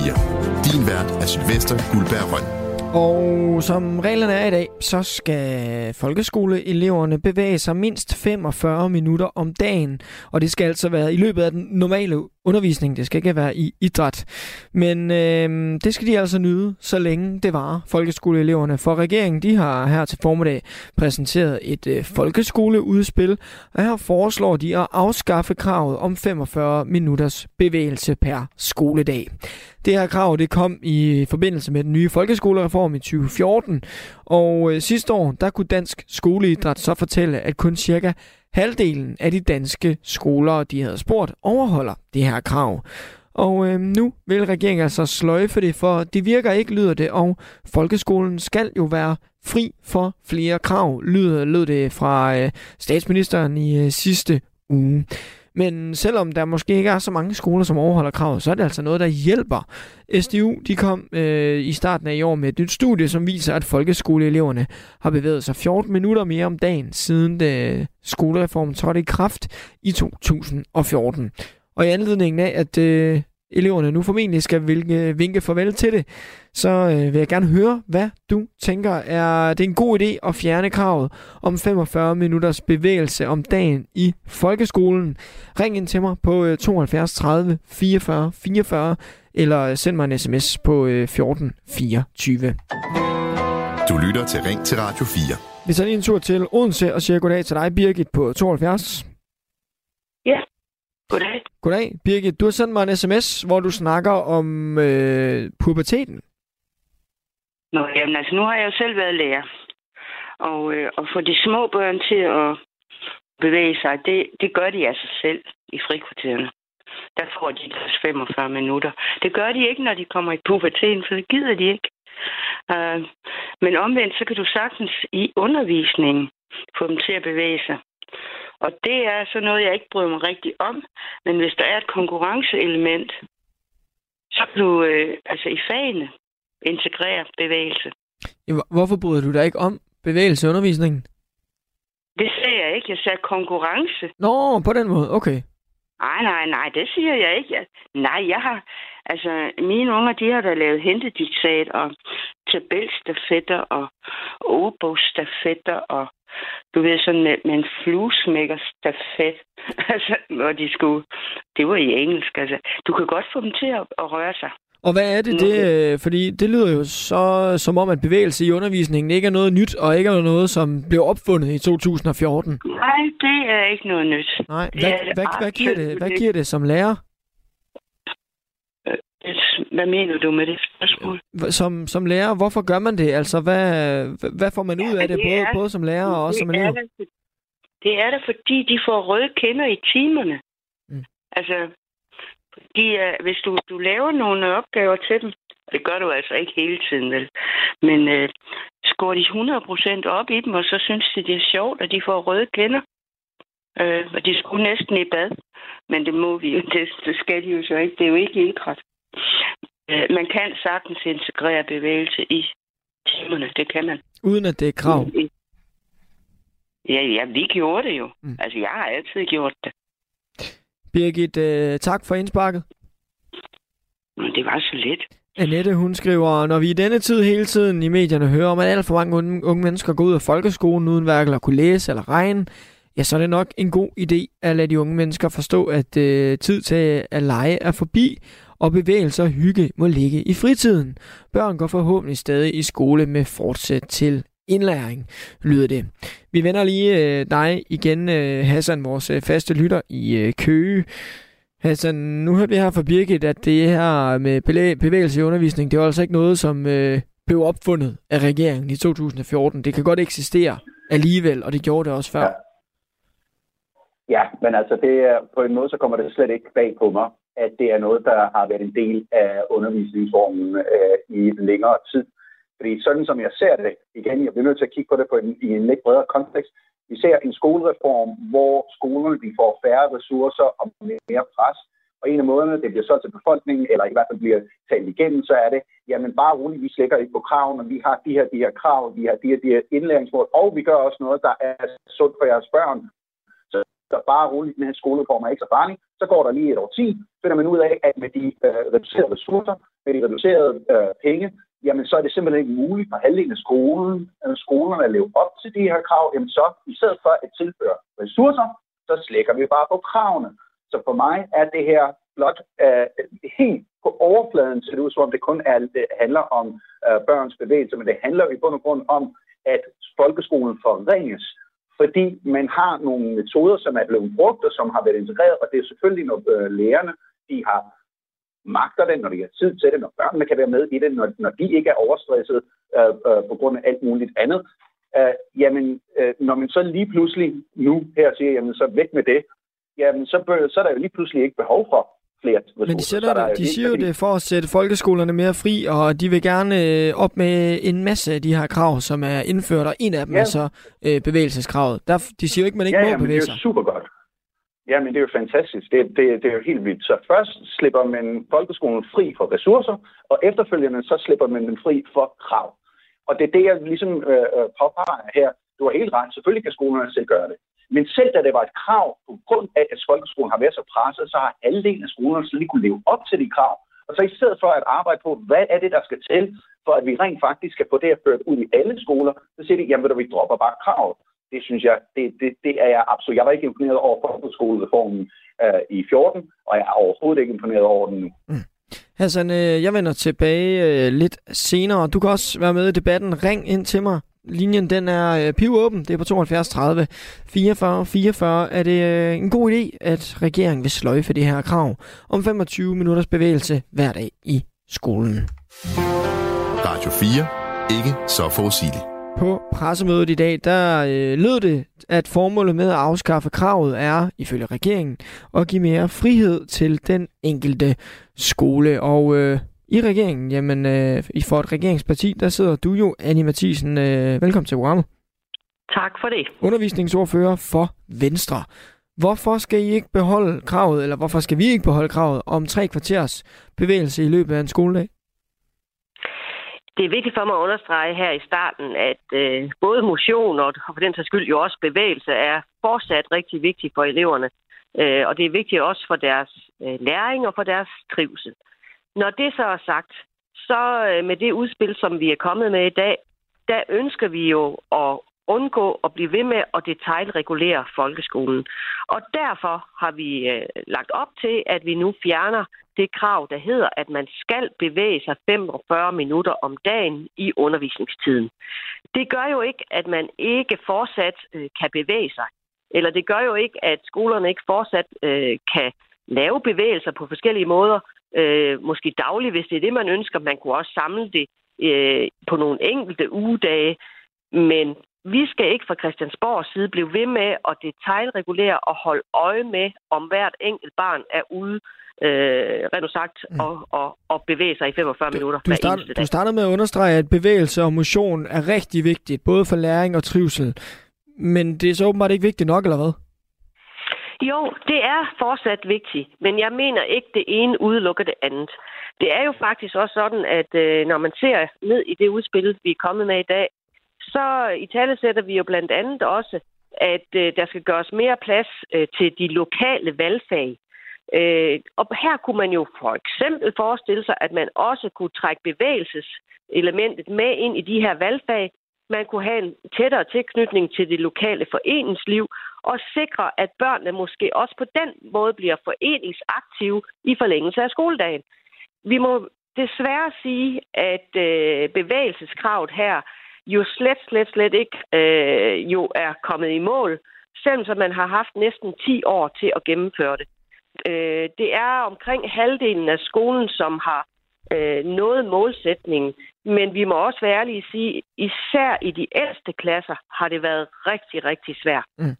Men når I øh, foreslår at øh, sløjfe kravet, kommer der så ikke mindre bevægelse for skoleeleverne? Altså de, som er i gang, der vil måske være nogen, der falder af, og der er vel ikke nogen nye, der begynder, når det ikke er et krav længere? Jeg tror så på, at øh, vores unge mennesker jo forhåbentlig får en også større og tættere tilknytning også til foreningslivet i forlængelse af skoledagen. Altså, jeg har haft møder også med blandt andet øh, DGI, som siger selv, at vi håber jo på, at både via valgfagene, øh, de lokale valgfag, men også eventuelle repræsentanter fra øh, Forenings Danmark kommer med i skolebestyrelserne, kan være med til også at trække bevægelsesdelen både ind i skolen, men for den sags skyld også ud i forlængelse af skoletiden. Så jeg tror ikke på, at det her det bliver dårligere tværtimod. Øh, så det med at stille krav om, at man skal bevæge sig 45 minutter, som det jo har været de sidste 10 år, øh, det har simpelthen ikke øh, lykkes, og derfor er vi også nødt til at prøve nu noget andet. Et nyt studie fra SDU viser jo, at eleverne rent faktisk har bevæget sig 14 minutter mere i løbet af en skoledag, efter at kravet blev lavet. Øhm, kan du forstå, at det virker lidt fjollet at fjerne krav, som jo åbenbart virker, også selvom det ikke er alle skole, der, skoler, der benytter det? Men modsat, så kan man jo sige, at det kan være fint nok at bevæge sig 14 minutter mere øh, i løbet af skoledagen. Øh, det er de jo mere eller mindre blevet tvunget til. Men hvis så det har smittet af øh, på en negativ måde i forhold til skoledagen, øh, så, så må jeg sige, så synes jeg jo ikke, at det er en målsætning, man kan være stolt af. Og så håber jeg faktisk, at idrætsforeningerne rundt omkring i vores øh, lille land jo nu også melder sig på banen til at komme med gode input til de her valgfag, øh, som man får mulighed for at, at skabe rundt om lokalt. Og dermed måske, at vi når højere op end de 14 minutter. Øh, fordi jeg synes jo egentlig, det ville være rart, hvis der stod en time eller to. Så når vi øh, taler sammen om et par år, Anne Mathisen, og øh, vi taler om bevægelse i folkeskolen, er, det, er der så ikke kommet mindre, end der er i dag, fordi kravet det øh, forsvinder? Nej, det tror jeg simpelthen ikke. Øh, jeg tror måske endda næsten tværtimod, at der vil blive øh, flere foreningsaktive unge mennesker, og forhåbentlig dermed, at man efter skoletid bevæger sig endnu mere. Anne Mathisen, tak for at være med i programmet. Velbekomme. Undervisningsordfører for Venstre. Der er en på sms'en, der skriver, lytteren har jo ret, der går ud fra, at der bliver talt om Hassan, vores faste lytter, penge, penge, penge. Men man har altså som altid haft bevægelse i min undervisning. Du kan også blande dig i debatten. Telefonen er åben 72 30 44 44. En kendt dansker er død i en time. Altså, det ville være skrækkeligt, hvis jeg vidste noget skulle være for evigt. Men først skal de spise et måltid, som var det deres sidste. Så kommer, kommer desserten. Så kommer den altså. Fuck, hvor er det voldsomt. Og, øh... og altså, hvorfor, Anna? Hvorfor? Altså, jeg aner det ikke. Sammen med vært Lærke Kløvedal taler de om døden, maden og alt derimellem. Men fjordrejer, det er barndom. Det er gode stunder med min far. Det er noget af det eneste, jeg har haft med papá. Lyt til det sidste måltid i Radio 4's app, eller der, hvor du lytter til podcast. Æret være hans minde. Radio 4. Var det det? Det var det. Ikke så forudsigeligt. Nu tager vi en tur til Aalborg og siger goddag til dig, Lars, på 43. Ja, goddag. Lars, er det godt, vi, øh, at det her krav står til at blive sløjfet? Ja, det synes jeg faktisk, det er, fordi øh, det krav, det sætter en hel masse begrænsninger for underviserne. Men men problemet for mig ligger egentlig ikke i... Altså, jeg synes jo, det er fantastisk, at vi sætter skolerne fri, og den får de mere øh, selvbestemmelse. Men altså, vi skal også have nogle undervisere, som øh, er klædt øh, på til at løse den her opgave. og at Mathias, nu springer jeg lidt i det, men altså, det, det er jo noget af det, der gør, at jeg ringer ind. Det er jo mm. også, at uh, Mathias Tesfaye, han, uh, han, han, så siger han, jamen altså, vi skal huske, folkeskolen er ikke blevet dårligere, den er blevet meget bedre. Uh, og det var ikke bedre dengang far var dreng. Jeg siger bare lige, at da jeg gik i skole, og jeg er 43, øh, da jeg gik i folkeskole, der var der langt mere bevægelse i timerne. Altså, det handlede om at gøre det Øh, vi har jo alle, der har faktisk været igennem før i, i forbindelse med det her. Vi har snakket om det før på mm. Radio 4, øh, da DIF kom med det forslag, at de gerne vil have to timers ekstra idræt. Og det synes jeg jo egentlig er, er set ud fra det synspunkt, at bevægelse er vigtigt for indlæring og for trivsel, at det er rigtig godt forslag, men jeg synes ikke, det er relevant. Altså, øh, jeg synes, det er langt mere relevant, at vi putter bevægelse ind i vores undervisning. Og så Lars, skal vi huske... Øh, ja. Lars, Lars, er du lærer? Nej, jeg er ikke lærer. Nej, hvordan, hvordan, ved, du, men... hvordan ved du det her med, at der, er langt, der var langt mindre bevægelse engang, end der er nu? Jamen, det kan jeg hvis jeg bare sætter det, øh, hvordan jeg, da jeg gik i skole, hvordan vi i matematiktimerne, hvis man begyndte at sidde og sove lidt, altså hvis man kunne mærke, at energiniveauet i klassen var, var dalende, jamen så havde læreren simpelthen, det, så, så tog de bare øh, incitamentet til at sige, hov, hey, vi skal lige, øh, vi gør lige noget andet. De her brygger her, dem kan vi sgu lige så godt lære udenfor i skolegården. Altså så gik vi ud, og så, blev det, så lavede vi brygger med sten, eller med sand, eller med, altså man lavede nogle opgaver, som gjorde, at vi kom ud og bevægede sig lidt, og det gjorde alverden. Specielt også for mig, som måske øh, godt kunne glemme skoletasken, men tog fodbolden med under armen, i stedet for at glæde mig til frikvartererne. Jamen, det blev super relevant og super interessant undervisning, når vi havde den bevægelse. Og det kan jeg jo se fra mine egne børn, jeg har to drenge, at det, det er simpelthen ikke, øh, at det, det er slet ikke en del i dag. Altså, det, det sker alt for lidt. Og nu men, men, men, men hvis kravet ikke bliver overholdt, som du selv påpeger der, er det så ikke også nærliggende at sløjfe det? Når nu, at vi stiller et krav, så hører vi, eller når nu politikerne kommer med alle de her krav til folkeskolen, så hører vi jo øh, det største suk, som man kan høre på, inde på lærerværelset. Fordi alt den planlægning, de har gjort, skal de nu til at lægge om. Og de skal prøve at implementere nogle ting, som også tidsperspektivmæssigt for dem bliver et problem. For vi har en masse øh, læringsmål, vi skal nå osv. Når vi nu sætter skolen fri, så har lærerne selv muligheden for at arrangere deres undervisning, således at de... Det er jo meget individuelt. Det er jo ikke sikkert, at 7. A har svært ved at modtage stillesiddende undervisning i matematik, men det kan være, at 7. B overhovedet ikke kan, kan modtage den undervisning.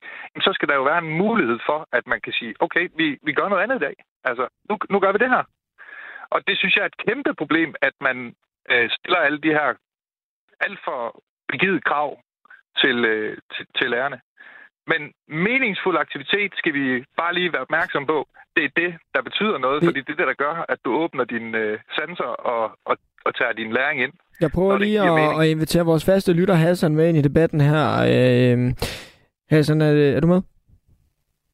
Yes. Fedt. Øh, jeg forstod lidt øh, dig, som om du mener, at en fjernelse af alle de her krav også er lige med, at øh, skolen bliver nedprioriteret. Hvad tænker du så om, øh, om det her, som Lars han siger?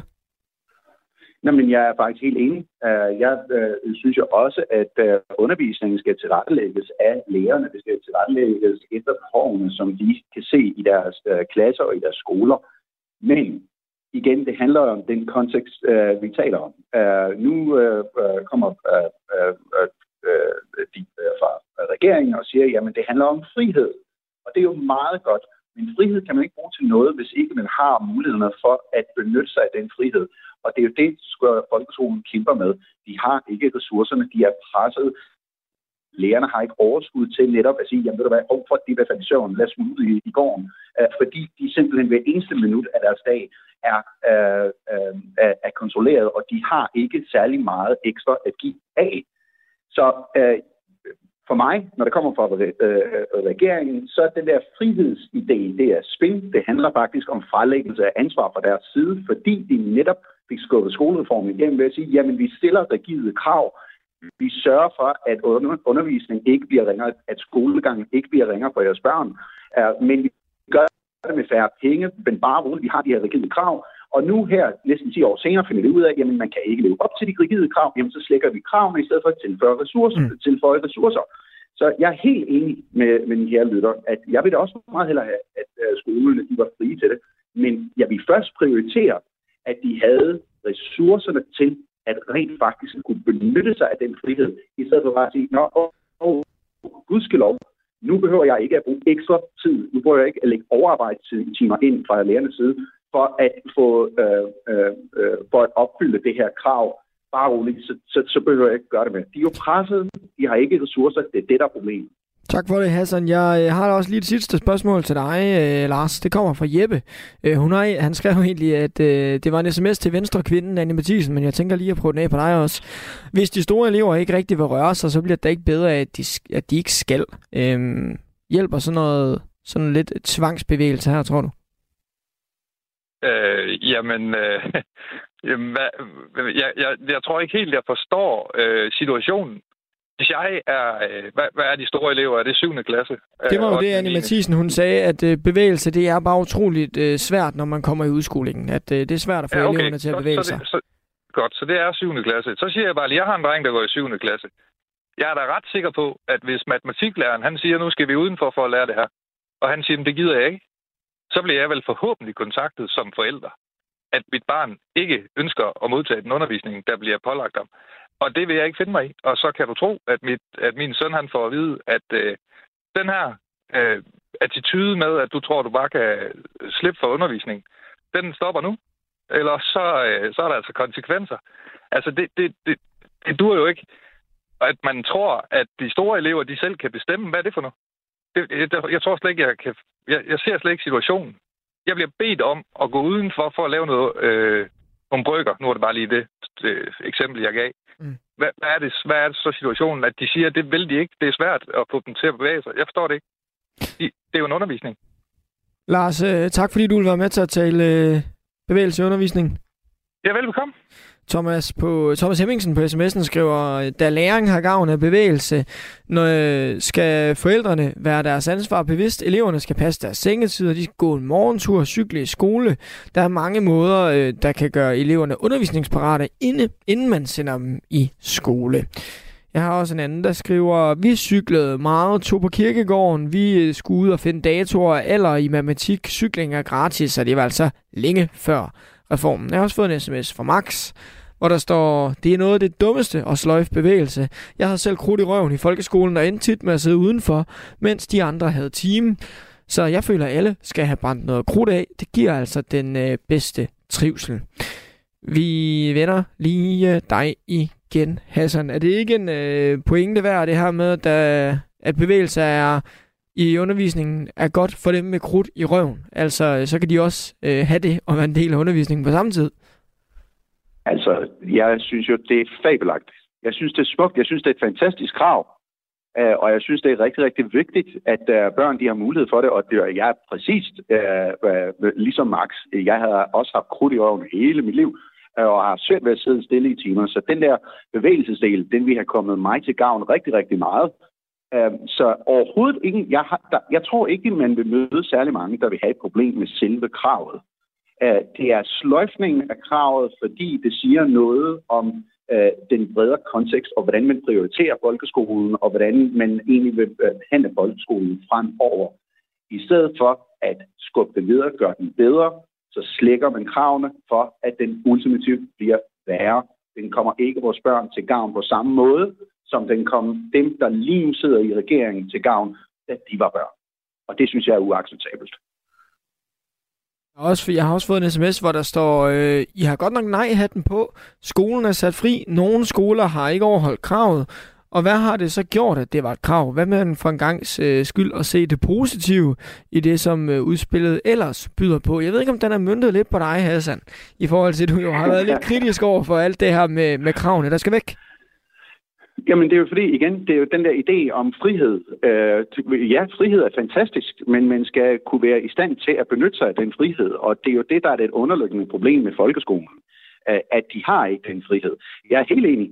Det kan godt være, at 50 procent af skolerne ikke har kunne leve op til de krav, men så bør man jo gå ind og kigge på, jamen, hvorfor har de ikke været i stand til det? Og der vil jeg lure mig ikke, om man så finder at jamen, de har ikke tid, der er ikke ressourcer, der er alt for mange øh, lærere, der, der simpelthen kan holde til presset. Der er 10.000 andre problemer, som gør, at de her skoler ikke kan leve op til de her krav. Og det er det, man bør arbejde på for at løfte de skoler, så de rent faktisk kan give den her opvækst og give den her undervisning til, øh, til børn og give dem den her mulighed i, i skole. I stedet for at sige, nå, øh, ja, men det gik ikke, ved du hvad, så dropper vi det bare. Og så lader vi de lokale øh, samfund, lokale foreninger, så lader vi dem handle det.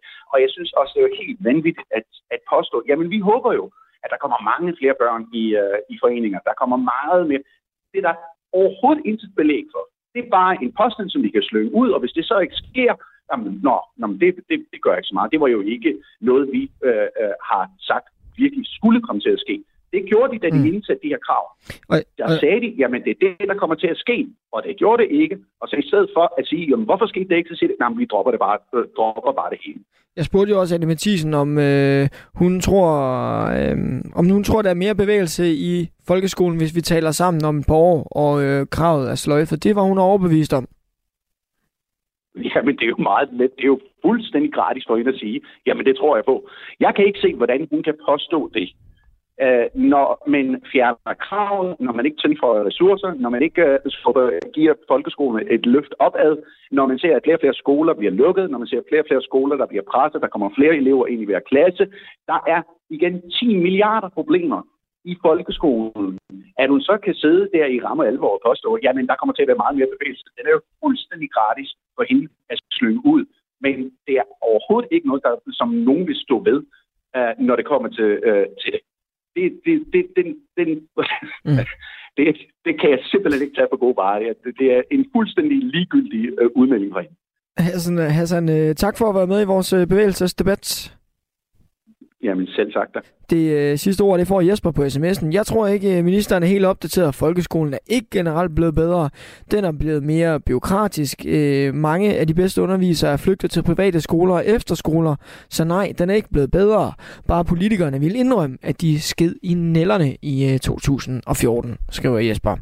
Vi når ikke mere, men vi har også både talt om øh, udviklingsstøtte til Palæstina. Vi har talt om robotstøvsuger ude hos de ældre, der har brug for hjælp til rengøring. Og så har vi altså her til sidst talt om bevægelseskravet i folkeskolen, som altså står til at blive ja, sløjfet. Men øh, selvom jeg øh, overgiver mikrofonen, så skal du blive hængende her på Radio 4, for øh, der er frontlinjen efter nyhederne, og i dag skal det handle om, hvorvidt Danmark igen skal have ubåde.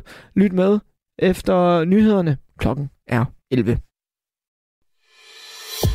Du har lyttet til en podcast fra Radio 4. Find flere episoder i vores app, eller der, hvor du lytter til podcast. Radio 4. Ikke så forudsigeligt.